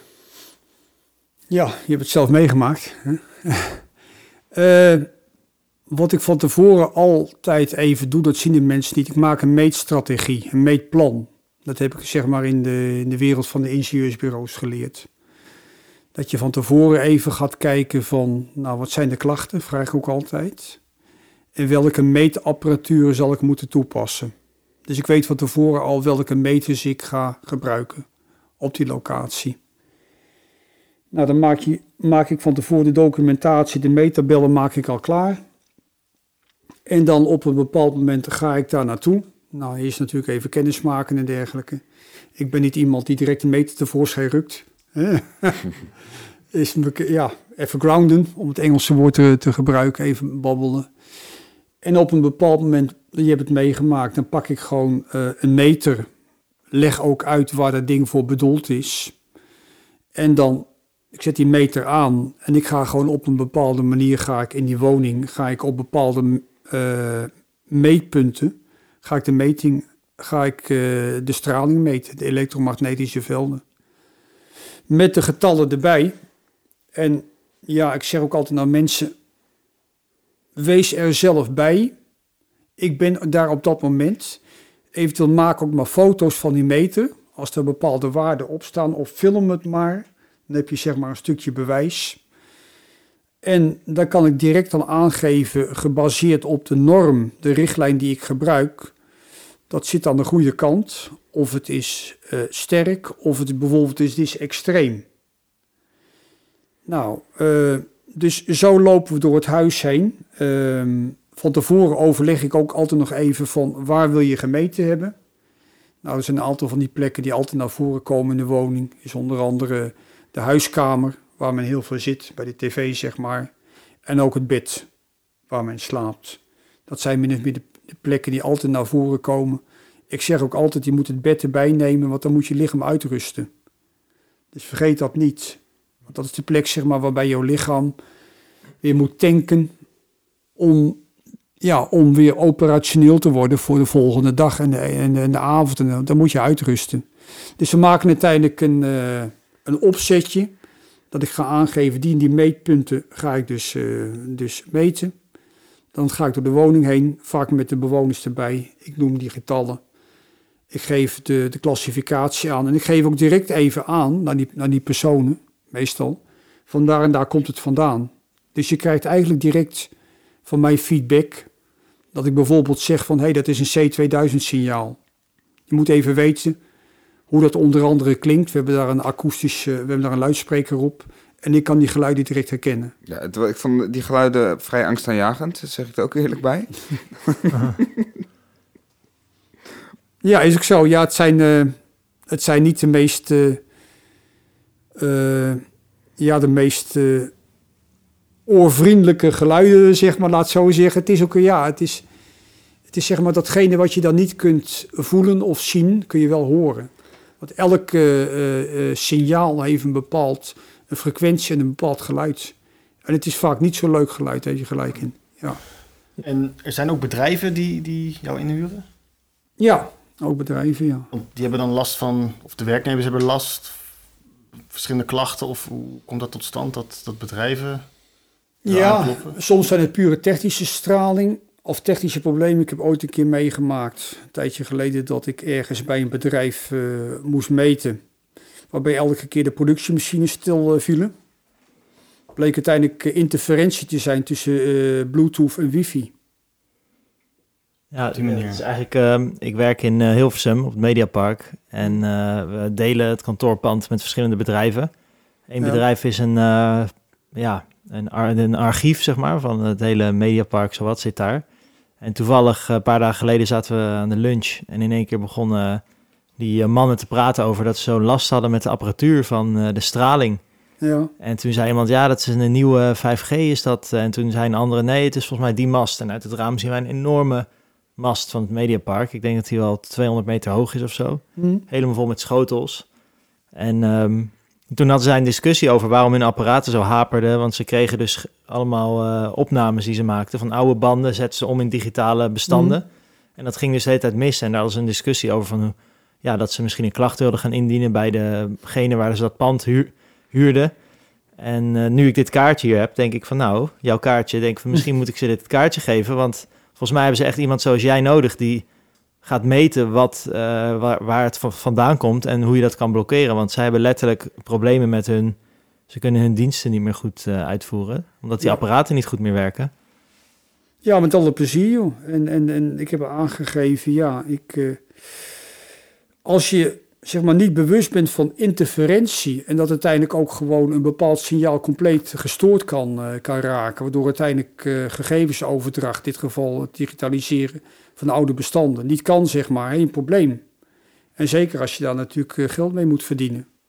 Dus ja, met alle plezier eh, zou ik eventueel eh, zo'n klus willen aannemen. En dat is natuurlijk gekoppeld aan de vraag van, kom je ook bij bedrijven of wat doe je daar, hè? Ja. En ja, dus dat is één voorbeeld. Bij particulieren, we hebben het al even gehad over de manier waarop ik op, eh, optreed. Dus uiteindelijk heb ik dus die, die meting gedaan. Die getallen die staan uiteindelijk in een tabel. En dan maak ik een plan van aanpak. Dan zeg ik van, nou jongens, eh, de, de velden zijn zus en zo. Die komen daar en daar vandaan. Die zijn zus en zo opgebouwd. Eh, mijn advies is om het zus en zo te gaan saneren. Maar dat kan bijvoorbeeld, het saneren kan ook inhouden dat je in plaats van een, een wifi kiest voor een eco-wifi. Een eco-wifi die straalt in principe ook alleen maar als je dus eh, eh, de wifi nodig hebt en op veel lager vermogen. Dat kan ook saneren zijn. Dus die mensen krijgen in principe een bulletlijstje, heel concreet met, met aanbevelingen wat ze kunnen doen. Dat moet ik ook zeggen. Ehm, jij, jij, jij hebt, hoe zou ik het zeggen, Ehm, de uitslag, hè, wat je mij Mhm. hebt toegemaild naar aanleiding van die meting. Ik vind het erg duidelijk en overzichtelijk. Ehm, en daarnaast, eh, ja, je gaat er, je komt met, echt met hele concrete adviezen. Met eh, een aantal producten. ehm, en ook waar die eventueel te, te bestellen. Ehm, ja, ik, ik was daar heel, eh, heel erg blij mee. Maar goed, ja, je gaf net al aan, ik gaf het zelf al aan. Wij hebben ervoor gekozen om, eh, om niet te isoleren en allemaal maatregelen te nemen. Maar eigenlijk eh, ja, zo snel mogelijk te verhuizen. Dus ehm, nou, op het moment dat mensen dit horen, eh, ben ik al verhuisd. Ehm, en dan kijk ik eventjes naar de heren aan tafel. Of wij, ehm, hebben wij nog dingen die wij willen vragen aan Maarten? Of zijn er nog dingen die Maarten graag wil vertellen? Ik heb nog een laatste vraag. Ik zit er zelf ook wel aan te denken om eh, je uit te nodigen bij mij thuis. Zijn er ook mensen of particulieren die eh, preventief jou uitnodigen? Of zijn het alleen maar mensen met klachten in die zin? Nou, ik denk dat jij een van de eerste zou zijn die mij preventief zou uitnodigen. Ja. dat is helder, maar dat zullen er misschien nog wel vele volgen. ja. En misschien is de nieuwe trend eh, dat nu Ja, je zou het willen, dat klopt wel. Want juist preventief, en zeker in een nieuwbouwwoning, kun je vaak zoveel voorkomen. Het is best wel eng, want ik zie nu dus ook de zonnepanelen... waar mijn hele straat mee vol hangt. Allemaal op de daken van de huizen. Zie ik nu ook aanwezig in het wifi-netwerk. Die geven ook weer, ja, die kunnen zelfs leiden tot storing op je wifi. Dat is, eh, dat is interessant. Dat is wel Nou, interessant. Dus Ik ben benieuwd wat voor, eh, wat voor bevindingen je gaat doen eh, bij Alan thuis. ja, voor, ja? Ja, ik, heb, ik heb nog wel één eh, Mhm. laatste vraag. Hoe, ehm, Maarten, hoe denk jij dat we over eh 30 jaar terugkijken op deze tijd? 20 mag ook. Ja, zoiets. Zo gewoon eh, 20 20 jaar. jaar. Ik denk, eh, ja, echt iets onverwachte vraag. Eh, ik denk, ja, deze tijd, 2020, eh, de periode van werkelijke bewustwording. En dat is wel positief, denk ik. Eh, het begin ervan, zeg maar, het, van de periode van het bagatelliseren en het ja, mensen die met klachten uitmaken voor eh, aanstellers en dergelijke. Hè? Of mensen die tussen de oren hebben, dat hoor je heel vaak al. Het zit tussen de oren en enzovoort enzovoort. Dat momenteel de periode aangebroken is. Ik hoor het overal, ook vanuit gemeentelijke zijde overheen en dergelijke. Dat men zich echt wel bewust is geworden van... er is werkelijk wat aan de hand. En we zouden nu toch eens een keer... ehm, ja, we moeten eens echt eens een keer naar die... eerlijk en open naar die problemen gaan kijken. En ook eens gaan kijken van wat kunnen we eraan doen. En dat vind ik wel positief dat dat momenteel gebeurt. Eh, als je zeg maar met ambtenaren praat of met mensen van onderzoeksinstituten, dan merk je veel meer van langzamerhand, eh, ja, die bewustwording is begonnen. En daar denk ik dat eh, 5G toch een belangrijke katalysator is. Met alle publiciteit eromheen. Wat 4G nog niet is geweest. Ja, bewustwording. Dat is. ehm, ik, denk, ik denk dat we daar met deze podcast eh, ook absoluut aan, eh, aan bijdragen. Ehm, bij deze wil ik je ontzettend eh, namens ons bedanken voor deze nou, ontzettend leerzame en ook actuele bijdrage.